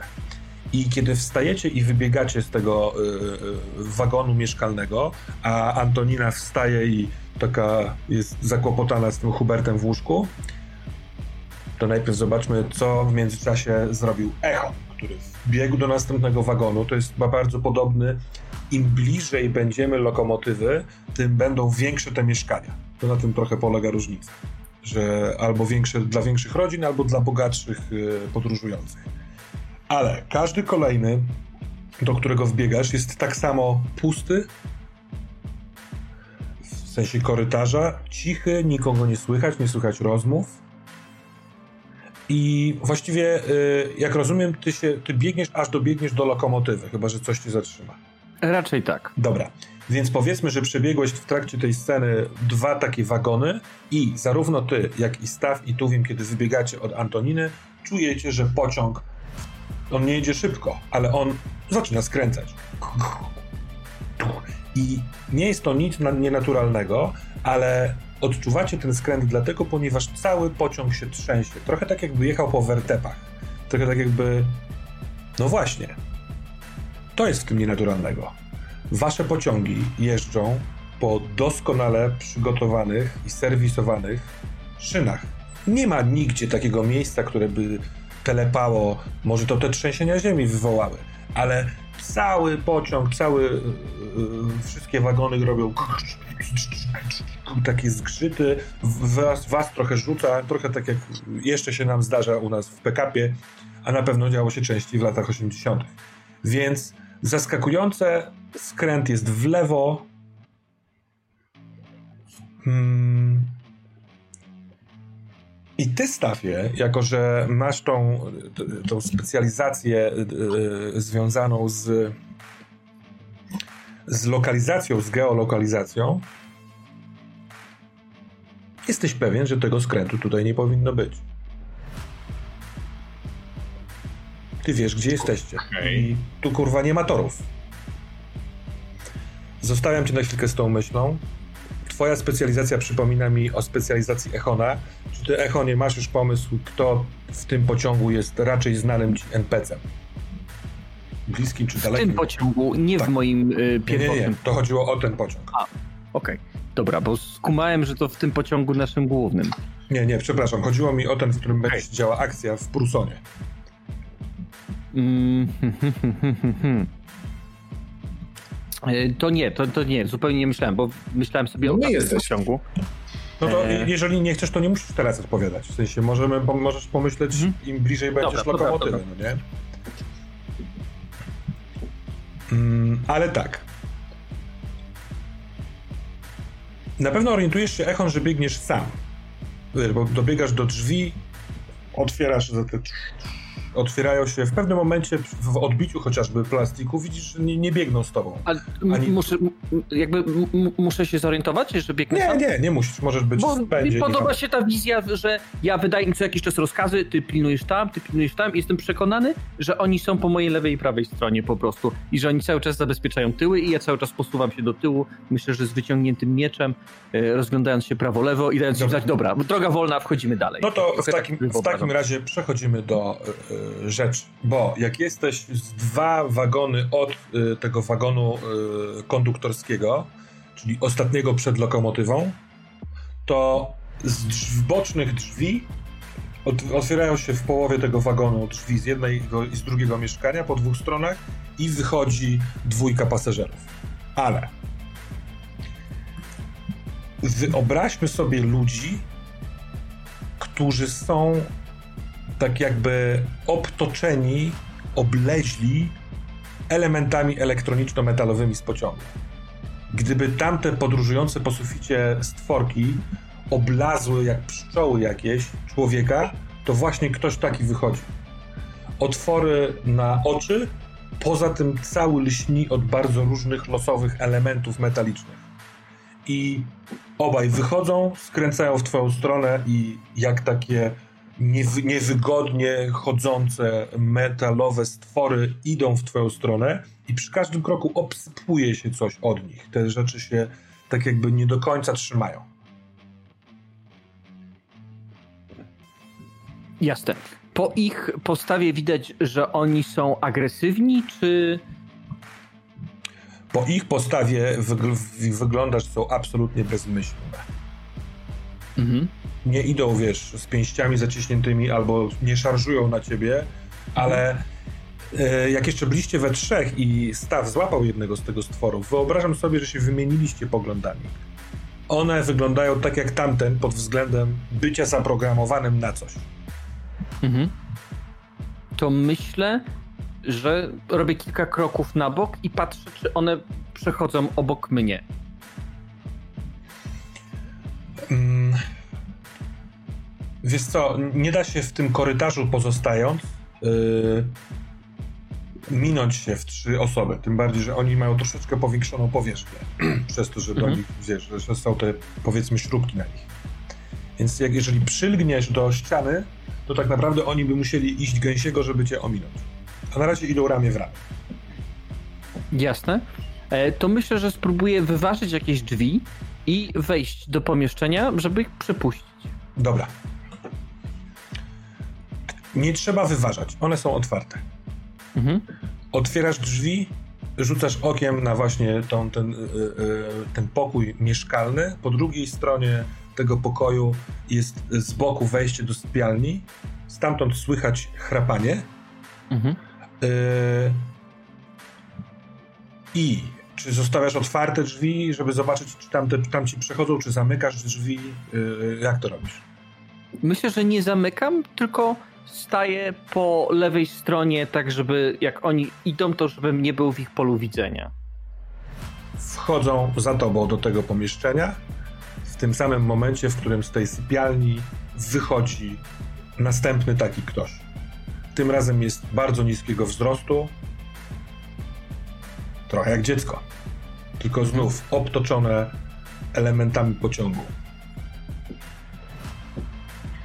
I zarówno ten mały, y, jak to nazwijmy, blaszak, tak to, tak to używajmy, mały blaszak, jak i jeden, pierwszy z tych dużych blaszaków, który wchodzi z korytarza, e, ten, ten duży blaszak, jak wchodzi, to nie wie, gdzie ty jesteś, bo ty skręciłeś w lewo, ale ten e, mały blaszak, który wychodzi, dostrzega cię i idzie w twoją stronę. Mhm. Jasne. No ja myślę, że wystawiam wtedy miecz w jego kierunku i robię gest, żeby przestał się poruszać. Niestety to nie działa. Mhm. A jak jest wystawiony idą. sztych? Mhm. Sztych miecza. Czy on idzie na ten sztych? E, tak, ale w, b, chce uderzyć ręką w ten sztych. To nie jest aż tak bezmyślne. Chce dojść do ciebie, ale nie nabijając się na miecz. Jasne. E, to myślę, że ci dwaj, którzy wchodzą, czy jestem w stanie jakoś się przemknąć pomiędzy nimi, czy nie wiem, odepchnąć mieczem, tak żeby zrobić właśnie, złapać może miecz e, w poprzek i tym mieczem jak wiosłem, tak w nich uderzyć, żeby oni zrobili mi przejście, żeby można było przejść. Zróbmy tak. Przejdźmy do y, reguł starcia. Jeżeli możesz, y, proszę otworzyć sobie swój starter na 11 stronie.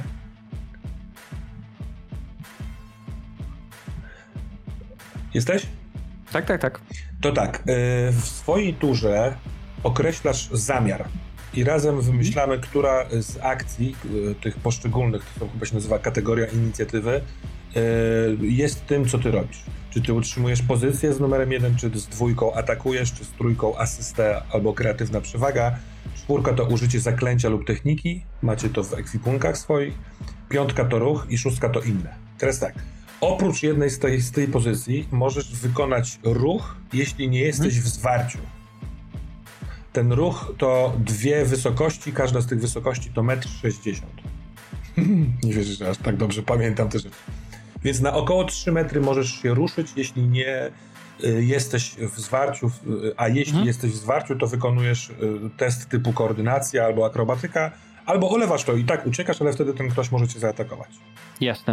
I w zależności od tego, który z numerków wybierzesz, to robimy poszczególne akcje od najmniejszego numerku do największego.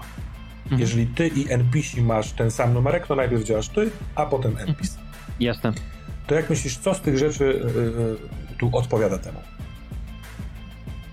Mm, Wydaje mi się, że jeżeli chce ich uderzyć y, tak obuchowo tą bronią, no to że też będzie jakaś forma ataku. Mhm, tak, też mi się wydaje, że to jest atak, yy, bo ty chcesz tych dwóch, którzy wchodzą jeden za drugim, przepchnąć ze swojej drogi, Przepchnąć, żeby się... obalić, tak, żebym Tak. mógł z powrotem wejść na korytarz i ruszyć dalej. Świetnie. To w takim wypadku... Myślę, że to też tak wygląda, że, że tak jak biorę ten miecz i, i myślę, że mówię na głos, chociaż jestem piska, więc nie słychać. Na szczęście nie jestem tutaj sam, jest trzech na trzech. tak jest. Wtedy jest szybkie, krótkie przebicie na to, jak y, Staw i Tuwim idą przez korytarz, nie wiedząc, co się dzieje. Dobra, Echonie. Pierwszy z nich, z blaszaków, też cię atakuje. w- Wysuwa rękę w twoją stronę, żeby cię złapać.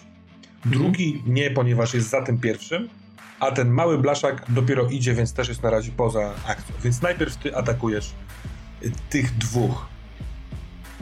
Jasne. Z tym drugim, jako że on. Inaczej, ten drugi za plecami, jako że nie możecie dosięgnąć, to on utrzymuje pozycję. Więc pierwszego zaatakujesz bez minusów, a drugiego z minusami do punktu wyjścia. Dobrze. Zatem korzystasz pewnie ze swojego uzbrojenia. Wylicz mi proszę, jaki jest twój punkt wyjścia. Uzbrojenie plus przywództwo, przytrzymuj, nacieraj, przytłaczaj. Mhm. Y, To jest łącznie 5 punktów. Wspaniale, więc na tego pierwszego masz y, bez żadnych. A czekaj, a twój miecz nie dodaje ci przypadkiem? A nie, on dodaje do obrażeń. Miecz dodaje plus 2 do obrażeń. Dobra, no to rzucaj, masz piątkę. To rzucamy.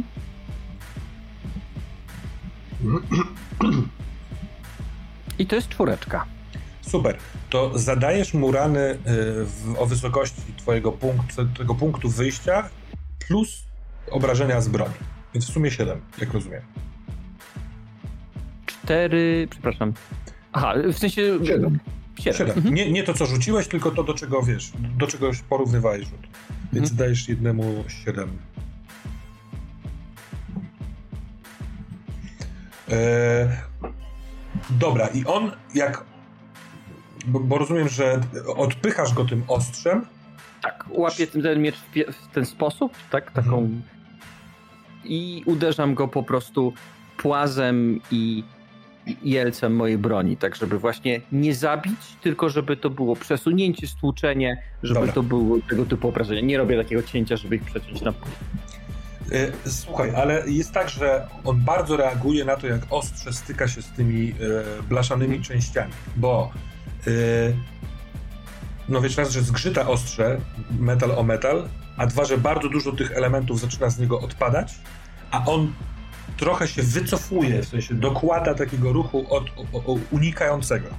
Rozumiesz, Mhm. tak jakby go, nie wiem, prąd poraził czy coś takiego i rzeczywiście on, z, zrzucasz go, spychasz go na boczną ścianę możesz e, w tym samym, bo ja tak to, tak to deklarowałem wcześniej, ten, te pchnięcie doprowadzić w tego drugiego. To jest osobny rzut, ale tu masz minus jeden, ponieważ on y, utrzymywał pozycję. Chcesz to zrobić?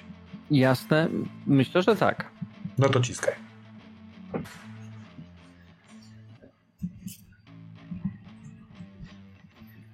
Cztery. Czyli sukces z konsekwencją. Albo porażka z tak. Porażka z szansą. czymś dobrym. Mhm. Y, sukces z konsekwencją sprawi, że zadasz mu te rany wszystkie. W sensie Mhm. 4, 4 plus 2, czyli 6. A jakaż to konsekwencja może być? Mm. Ja mam pomysł, żeby to była osoba, która jest tym NPC-em Mhm. i widać to spośród tych blaszek, albo śmiało zaproponuj inną konsekwencję. Mhm. Na razie mam problem, bo wiesz, y, nie mam pomysłu, kto to mógłby być, a z drugiej strony, jeżeli on jest takim edgelordem, to to jest ktoś ważny, jeżeli miał kogoś, y, nie? To, to tak trochę mi głupio tu tak Mhm. z dupy wyciągać NPC-a, który w tym wypadku musi być jakąś niezwykle istotną postacią dla To postaci. poczekaj, to zróbmy tak. Mhm. Y, Po pierwsze, te dwa ciosy sprawią, że ty jesteś z powrotem na korytarzu i jeśli będziesz chciał iść dalej w stronę lokomotywy, to oni, będ, oni będą już iść za tobą, ale nie będą w, tej, w tym ataku cię mogli dosięgnąć. To raz, więc jakby udało ci się to, co, to, co zaplanowałeś. Ale mam ogon. Po drugie, tak, ale masz ogon. Po drugie, y, przejdziemy teraz do Tuwima i Staffa, a ty proszę pomyśl kilka o tym NPC-ie. I według mnie to może niekoniecznie być ktoś, tak jak mówisz, ważny dla Edgelorda, ale może ktoś z dalekiej przeszłości. Typu kolega z podstawówki. Rozumiesz, z którym potem jako Edgelord się widywałeś kilka. Mi nie chodzi o intymną znajomość, tylko bardziej o to, że wiesz, jaki ten ktoś ma imię, yy, kojarzysz go z, z normalnego świata. Zostawiam cię z tym. Okej. Okay. Staw Tuwim. Yy, w, jak wybiegacie na korytarz, to jasno jest dla was, że Echon poszedł w cholerę. Pociąg się cały trzęsie, ten dźwięk na skraju waszego zagłuszenia ciągle funkcjonuje. Cóż robicie? Pędzicie za nim w stronę lokomotywy? No tak, tak idziemy do przodu. Mhm. Jeszcze oglądam się za siebie patrząc, czy e, Antonina e, robi to, co jej poleciłem i biegniemy do przodu. Mhm. E, dobra, to jak dobiegacie do tych pierwszych drzwi, w sensie do, kończących ten wagon i się odwracacie, to rzeczywiście wychodzi Antonina i Hubert, ale oni się kłócą o te sole trzeźwiące. Ale zostawmy ich tutaj. To jest część konwencji. Oni na dodatek po japońsku mówią. A wy biegniecie yy, dalej. No, łara, łara, łara. Zróbmy tak że kiedy dobiegniecie do wagonu, w którym e, przed chwilką jeszcze toczyła się ta, powiedzmy, przepychanka, to jak otworzycie drzwi, to w tym wagonie, który opuszczacie, z jednego z tych e, drzwi też wyjdzie blaszak. Hyc, jesteśmy... E, Echon jest w ostatnim mieszkalnym wagonie, a wy jesteście w przedostatnim mieszkalnym mhm. wagonie i wy macie za plecami jednego blaszaka, przed wami są dwa blaszaki, za nimi jest Echon. I teraz tak, Echonie, czy masz już pomysł w międzyczasie, czy nie? Tak, mam już pomysł, kto to, kto to był. E, a więc jest to behawiorystka, e, która wydawała książki o no, tresowaniu kotów, wychowywaniu tych kotów. I to jest myślę, że taka postać, jak miała jakieś wykłady, to on jeździł i słuchał, zapisywał, ma wszystkie jej publikacje yy, i myślę, że no, może odbył, no jest fanem, tak? Jest po prostu fanem. Super. E, Czy ona mo może mieć na imię, bo jest taka propozycja z czatu powyżej, Ewa Szkiewicz. Czyli Iw, Iwa Szkiewicz. Iwa Szkiewicz. Ewa Szkiewicz oczywiście może tak być. Dobrze. No to kiedy ty odpychałeś tym sztychem y, drugą, drugiego blaszaka, to część tych metalowych rzeczy się omsknęła z twarzy i widzisz, że twoje ostrze lekko rozcięło policzek Ewy. Ale Ewa widzi ciebie. Yy, nie wiem, czy ona też ciebie zna, czy to tylko jest jednostronna znajomość? Myślę, że może kojarzyć mnie jako psychofana. No to ona cię teraz w ogóle nie kojarzy. To jest puste spojrzenie Ewy, która patrzy, ale tak naprawdę chce cię złapać. Pani Ewo! To, to ja, Echon. Byłem na pani wszystkich wykładach, mam pani wszystkie książki, mam... Ka, ka, pa, pani Ewo, pa, pani Ewo, proszę... Ona otwiera pani... usta i wychodzi z, z nich nie jej głos, tylko taki głos zniekształcony, tak jakby może w środku też były takie blaszaki. Złapać trzech intruzów, oblepić. I ona wyciąga ręce w twoje strony, Tuwim ze stawem otwieracie drzwi, więc jesteście świadomi też tego dialogu. Mamy starcie. Julku i y, Jerzyku też otwórzcie proszę startery na, tych, y, na tej stronie 11. Już otworzone. Banks. Zatem, Echonie, masz o tyle trudniejszą sytuację, że niekoniecznie możesz chcieć brać udział w tym starciu, jako że to Ewa znawczyni kotów. Y, ale y, chciałbym poprosić Was o opis swoich zamiarów. Miejcie świadomość, że to są stwory raczej przejęte i ich zadaniem jest oblepić, złapać trzech intruzów. Pytanie. Mhm. Czy tak jak zadeklarowałem uderzanie płazem broni, czy możemy tutaj deklarować, że chcemy bronią zadawać obrażenia nieśmiertelne, tylko neutralizujące cele? Tak. Tak, więc nawet jeżeli chcesz, to mogę cofnąć to przebicie skóry Ewy, tylko raczej no właśnie to, że ją mhm. spłazowałeś. Nie, nie, spoko, mogłem ją tam jakoś zranić. Generalnie Aha, dobra, ale przyszłość. w Mhm. międzyczasie mogli zostać zranieni, nie? No bo wiadomo też, że to jest walka, mogą się dziać różne rzeczy. Mhm. Część z was, pamiętajcie, wzięła też e, jakieś zaklęcia bądź te techniki. Też można z nich korzystać. E, no i jestem bardzo ciekaw, jakich, jakie macie zamiary. E, Ja mam zamiar e, przygotowany, więc mogę. E, Kiedy widzę, że przed nami jest starcie i za nami jeszcze na dodatek zmierza do tego starcia też jeden blaszak, e, wyciągam mój e, pneumatyczny pistolet, z którego wcześniej wystrzeliwałem kotwiczkę e, i teraz ładuję do niego e, coś innego. E, Coś, czym zwykle walczę z somnomorfami. Taki jakby mm, pocisk, który w gruncie rzeczy jest takim bo, bo, bo, bolasem, tylko który mogę załadować do, do, do, tego, do tej wyrzutni. Mhm. E, I celuję w nogi tego e, zdążającego za nami blaszaka. Po prostu wywrócił i e, no i Dobra, czyli atakujesz. został, został unieruchomiony. Tak jest. Będę Czyli go. atakujesz. E, Nie do końca zrozumiałem, mówisz bolasem? Co to takiego jest ten bolas? bo, bo, bo, bolas to się chyba nazywa, nie? Bola, Nie, wydaje mi się, że, Bola, tak, Bola. S. Tak. E, bo, Tak, bolas to jest bola, taki Bola, e, bola to są takie e, sznurki z obciążnikami, A, które można było rzucić na kogoś i skrępować. Kuma. Dziwnego rodzaju lasso.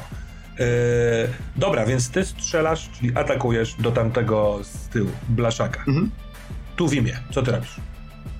Więc tak, ja wyjmuję e, Tiki i Miki, czyli moje dwa e, bagnety bojowe i chcę zaatakować, ale tak unieszkodliwić, bo nie chcę nikogo zabijać oczywiście. E, jednego z tych blaszaków przy pomocy technik, które zostały mi, e, wyuczone, które sam czytałem. Generalnie to jest e, technika sztuka walki wyjęta z, ok- z okopów I wojny światowej, dokładnie greckich służb specjalnych, które walczyła bagnetami. To jest połączenie walca, tanga i no, sztuki walki. Wygląda trochę jak em, gankata. Dobra. A trochę to jaśni to mechanicznie?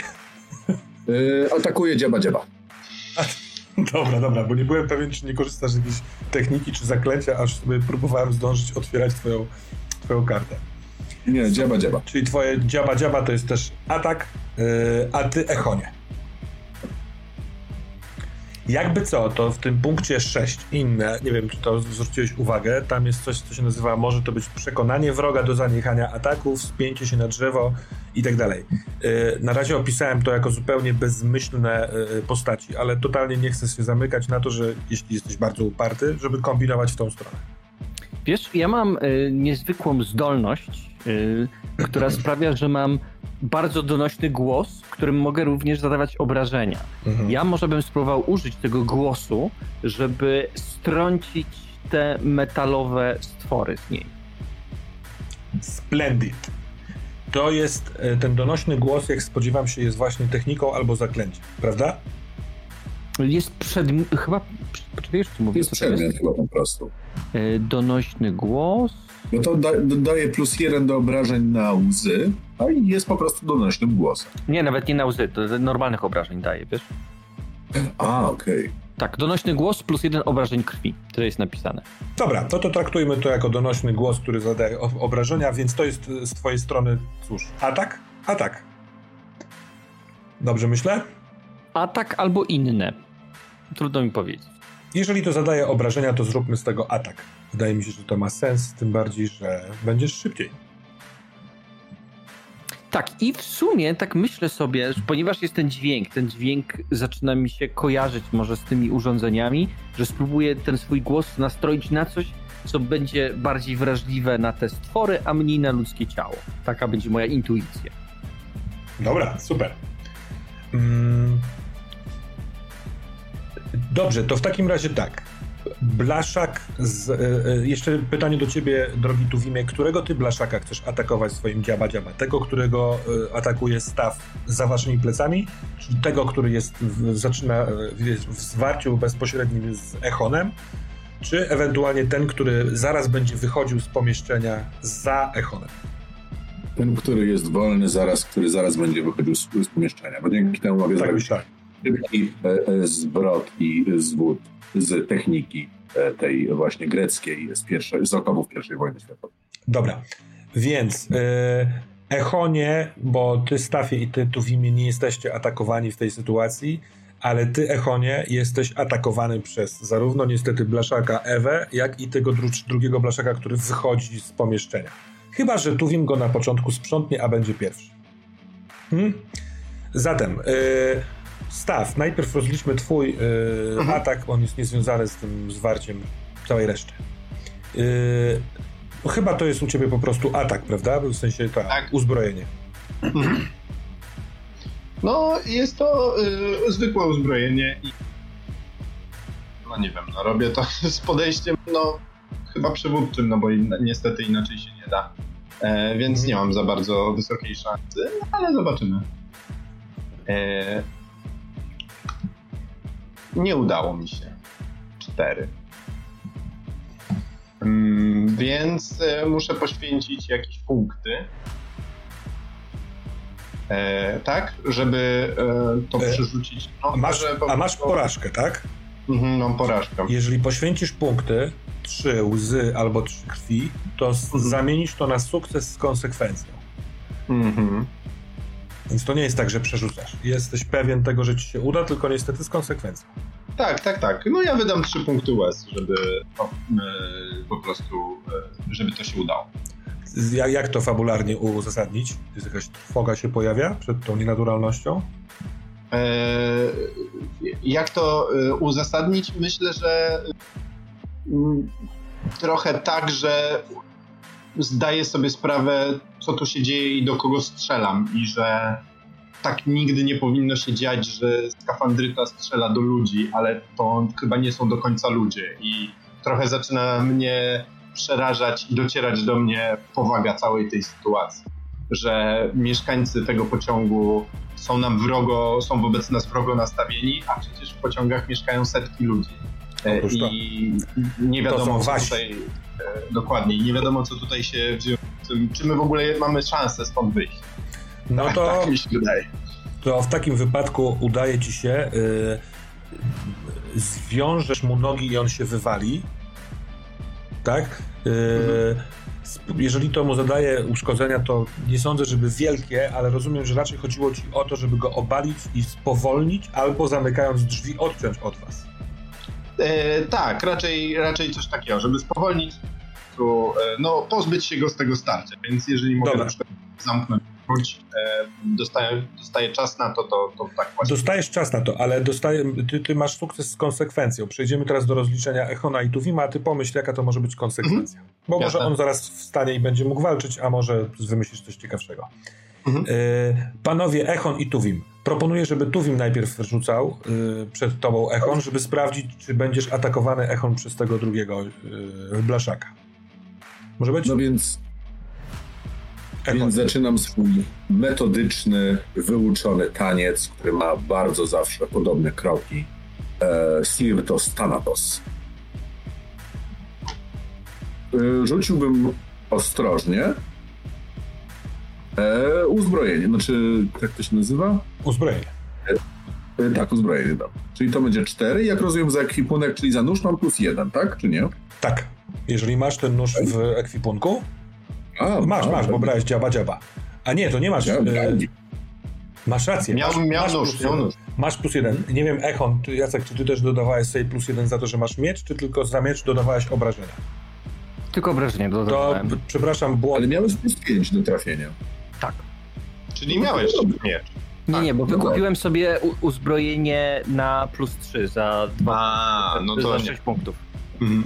Więc to m, następnym razem dodawaj sobie też plus jeden za miecz, bo jako, że to jest ekwipunek, to działa podwójnie. Proszę cię, tu w imię o rzut. Dobra, czyli mam plus 5. Y, 5. to w takim wypadku jest to sukces z konsekwencją, chyba że wydasz trzy punkty łez albo y, krwi, żeby to był pełen sukces. Wydam trzy punkty krwi na pełen sukces. Czyli trochę się też poturbujesz tym ciosem. E, Sirtos Thanatos to bardzo krwawy e, taniec. Rozumiem. Musi być koszt.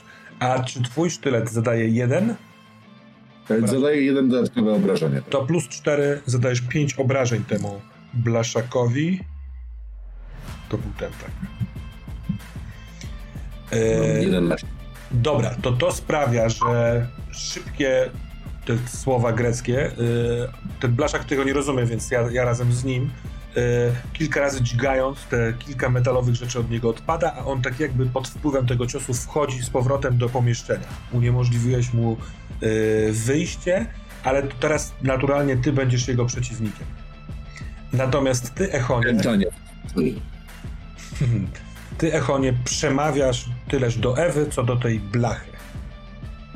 Tak, myślę, że to jest taki wrzask, że on Mhm. się zapiera i y, zaczyna wydawać y, niesamowicie głośny dźwięk. Ta Mhm. wizura jego, może, może w ogóle to, to myślę, że to będzie związane z jego kostiumem, że tutaj tak niemalże pionowo na jego ciele, on tak łapie się tu i rozwiera część tego kostiumu, tak jakby się otwierały tutaj takie wielkie Mhm.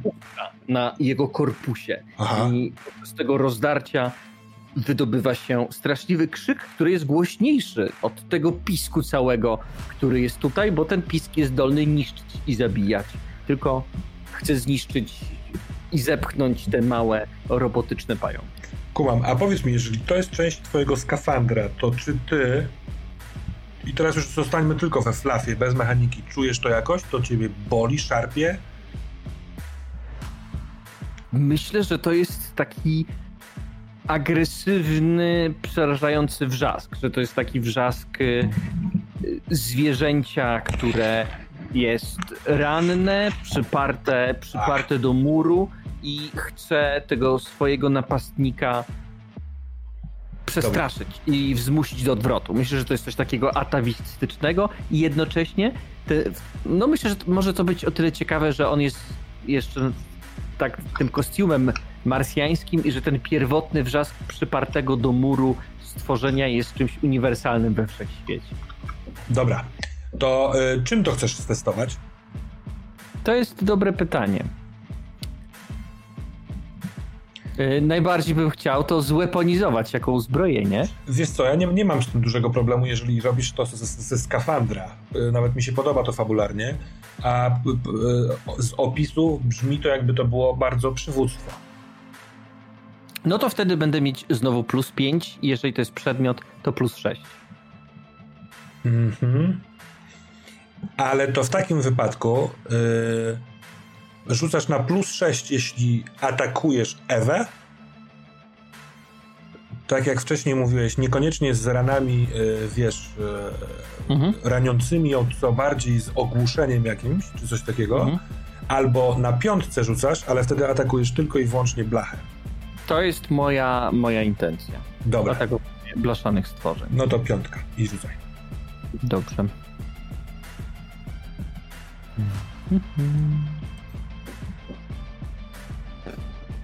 Trzy. Pięknie. To 5 plus 1 z tego głosu zadajesz 6 szkody. Jest tyleż wspaniale, co troszeczkę okropnie, ponieważ ten ryk, ten ry, ryk z klatki piersiowej, ze skafandra wydobywający się, część y, przedmiotów na jej głowie zrzuca takim powiewem.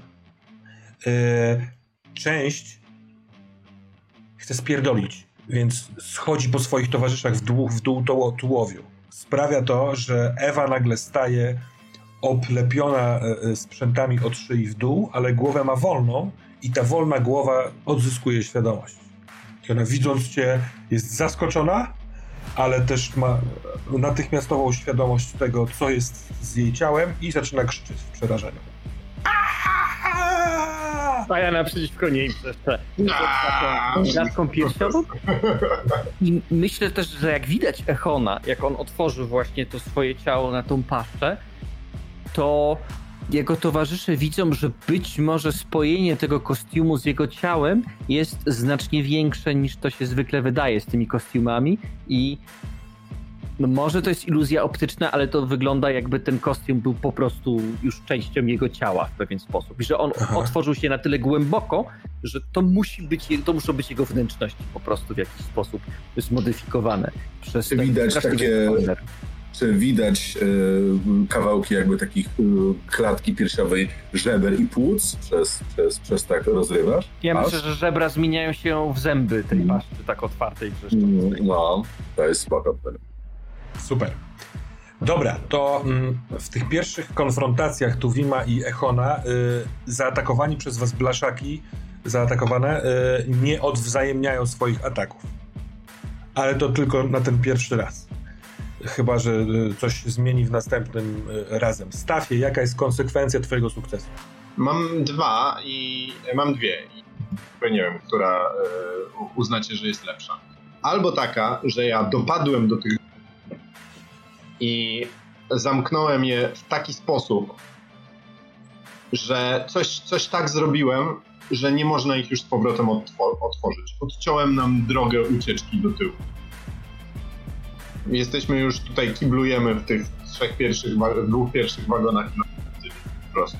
A jak było wcześniej powiedziane, ciężko się wydostać z tych wagonów. Łatwiej jest z tych tyli. E, mhm. Więc jest to coś, co nam dosyć utrudnia i komplikuje życie później. E, albo e, takie ograniczenie dla siebie, że mm, ten mój pistolet pneumatyczny będzie wymagał jakiejś konserwacji, jakiegoś przeładowania dłuższego. Coś po prostu przy tym strzale się to wybieram, i, i... Wybieram ewidentnie to drugie. To drugie jest konsekwencją, która jakby tu i teraz doraźnie może zafunkcjonować, a ta druga niekoniecznie sensie ta pierwsza. Więc mhm. w najbliższym e, e, ataku nie możesz atakować swoim pistoletem pneumatycznym, a jeśli chcesz w przyszłości nim atakować, to musisz w tej turze po prostu go ponaprawiać. Mhm. Więc czekam na deklaracje wasze, ponieważ starcie dalej trwa, e, ale żeby by mimo adrenaliny nie zapomnieć o tym Bożym świecie, to przypomnę tylko, że staw, nie masz kurwa zielonego pojęcia dokąd jedzie ten pociąg, bo nie jedzie tam, gdzie jedzie od tak, nie jeszcze czasu setek lat. E, ale wiesz co, przez to, że y, jak widzisz swój pistolet, że no, kurwa nie działa, to czujesz, że cały czas trzęsie się ten pociąg w nienaturalny sposób. Oraz Echonie i Tuwimie y, pociąg znowu trzeszczy się, ponieważ znów gdzieś pod ziemią, daleko, daleko coś y, znowu eksplodowało i się powaliło. Echonie, tu w imię Stafie, jakie macie zamiary? No ja chcę unieszkodliwić tego przeciwnika, nie zabijając, no bo zanim jak już się zacznie um, Sirtos Thanatos, no to aż do momentu, jak jeden z tancerzy padnie na, na, na ziemię. Po prostu, tak to jest. Rozumiem, no, nie, tak, to... tak.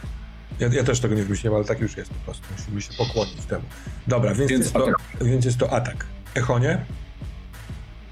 Ja również e, chcę, to znaczy tak, bo rozumiem, że z pani Ewy większość tych stworzeń zostało zdmuchniętych, ale część nadal tam są, tak? Część nadal tam jest. Większość nie. Wszystkie z głowy, ale mhm. całe jej ciało jest oblepione dalej blachą, blachą i chyba e, e, nie potrzebuje zgody głowy, żeby dalej atakować.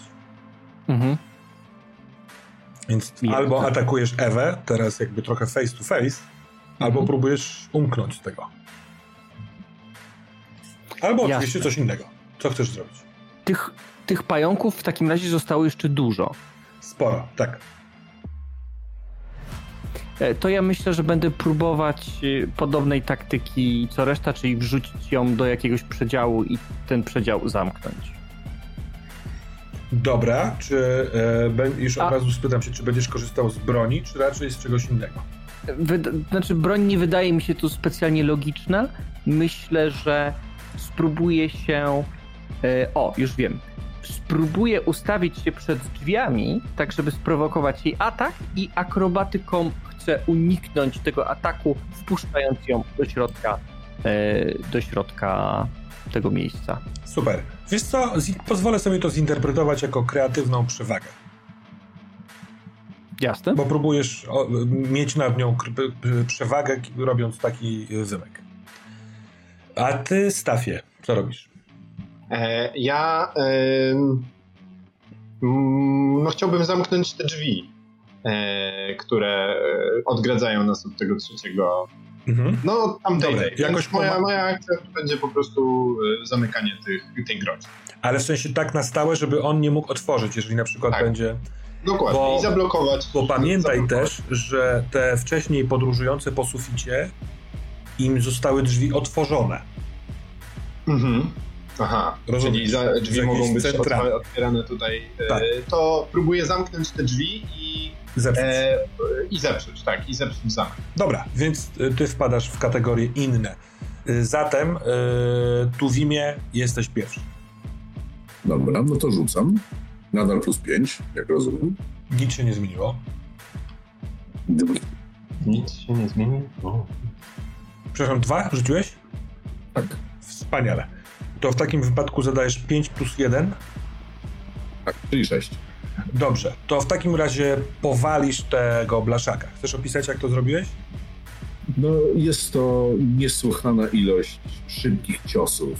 To jest też wzięcie się za, za bary, tak jak e, się tańczy i przytula przyjaciela, którego się widzi na wyspie greckiej od dawna i działa, działa, działa, działa, działa, działa, ale nie sztychem, znaczy tym razem pięścią, a nie ciosem oczywiście. No i mnóstwo ciosów innych z tej strony.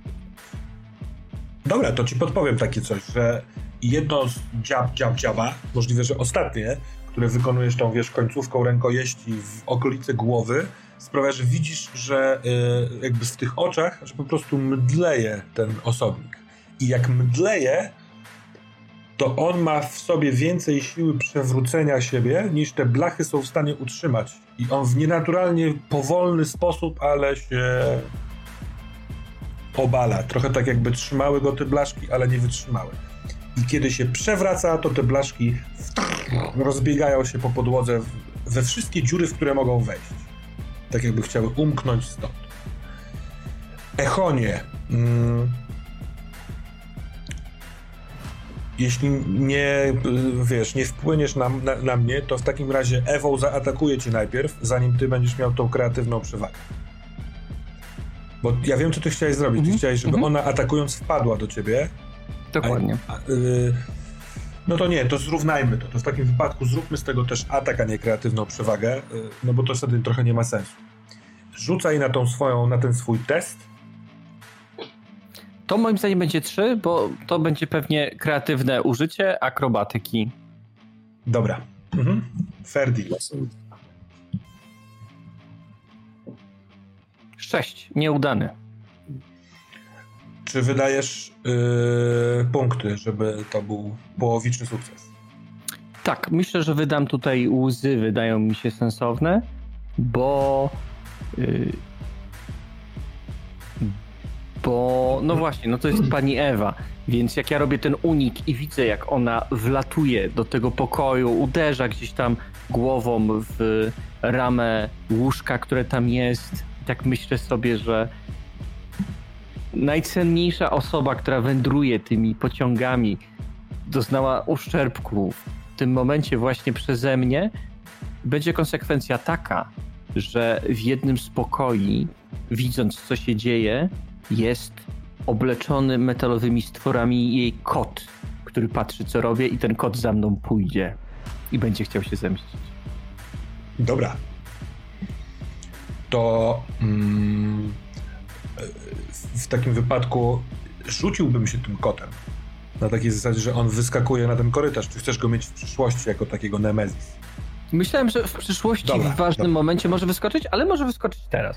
Nie, to zróbmy tak, że on wyskakuje, ale ty po prostu dosyć odruchowo otworzyłeś te drzwi, zobaczyłeś ten, tego stwora, ale on leci w ciebie, to przymknąłeś drzwi i słyszymy te takie kocie, ale wzmocnione, bo blachą o drzwi.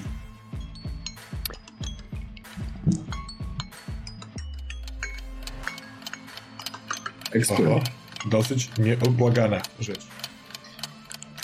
Panowie, to oznacza koniec. Po pierwsze, mamy dwa rzuty na zwiastuny.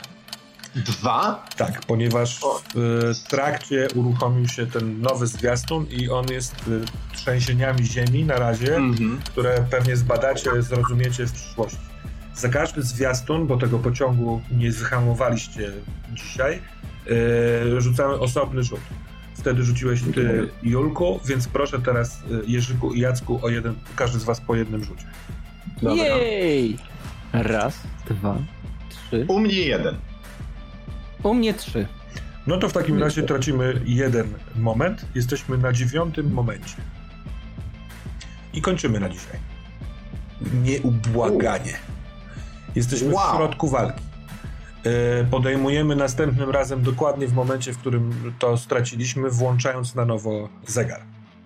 Pytanie, czy nie jest tak, że oni są już zamknięci w pokojach i ta walka się w miarę kończy, czy Właściwie czy tak. Będziemy Właściwie tak. Wiecie co, nawet pozwoliłbym sobie, bo rzeczywiście to też dociera do mnie sens tego e, wszystkiego. Sprawdźmy jeszcze test twój, Stafie.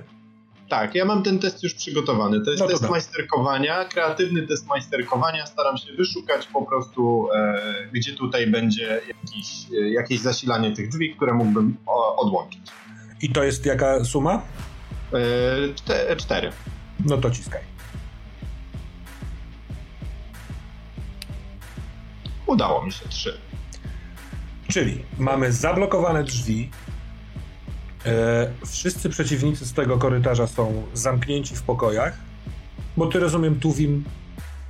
Nie wiem, czy ty dalej w środku będziesz go atakował, tego, który tam zemdlał w środku. Nie, nie, nie, jak już jest, ja powiedziałem, do unieszkodliwienia, jak No zrozumiałem, że jest unieszkodliwiony. Czyli mamy was trzech w miejscu, w którym dzieli was od e, tego policyjnego e, wagonu tylko właściwie podwójne drzwi. Stafie, ty masz popsuty pistolet. Mhm. I jestem jeszcze tylko na koniec ciekaw poziomu waszych krwi i łez. Jak z tym wyglądacie? Słabo. Eee, nie tak najgorzej. U mnie 7 krwi, 6 łez. 11 krwi, 9 łez. A u mnie to jest y, sześć krwi i sześć łez. Całkiem nieźle. Dobra. To sesja jest zakończona zegarkowo. Cyk, pstryk, bums.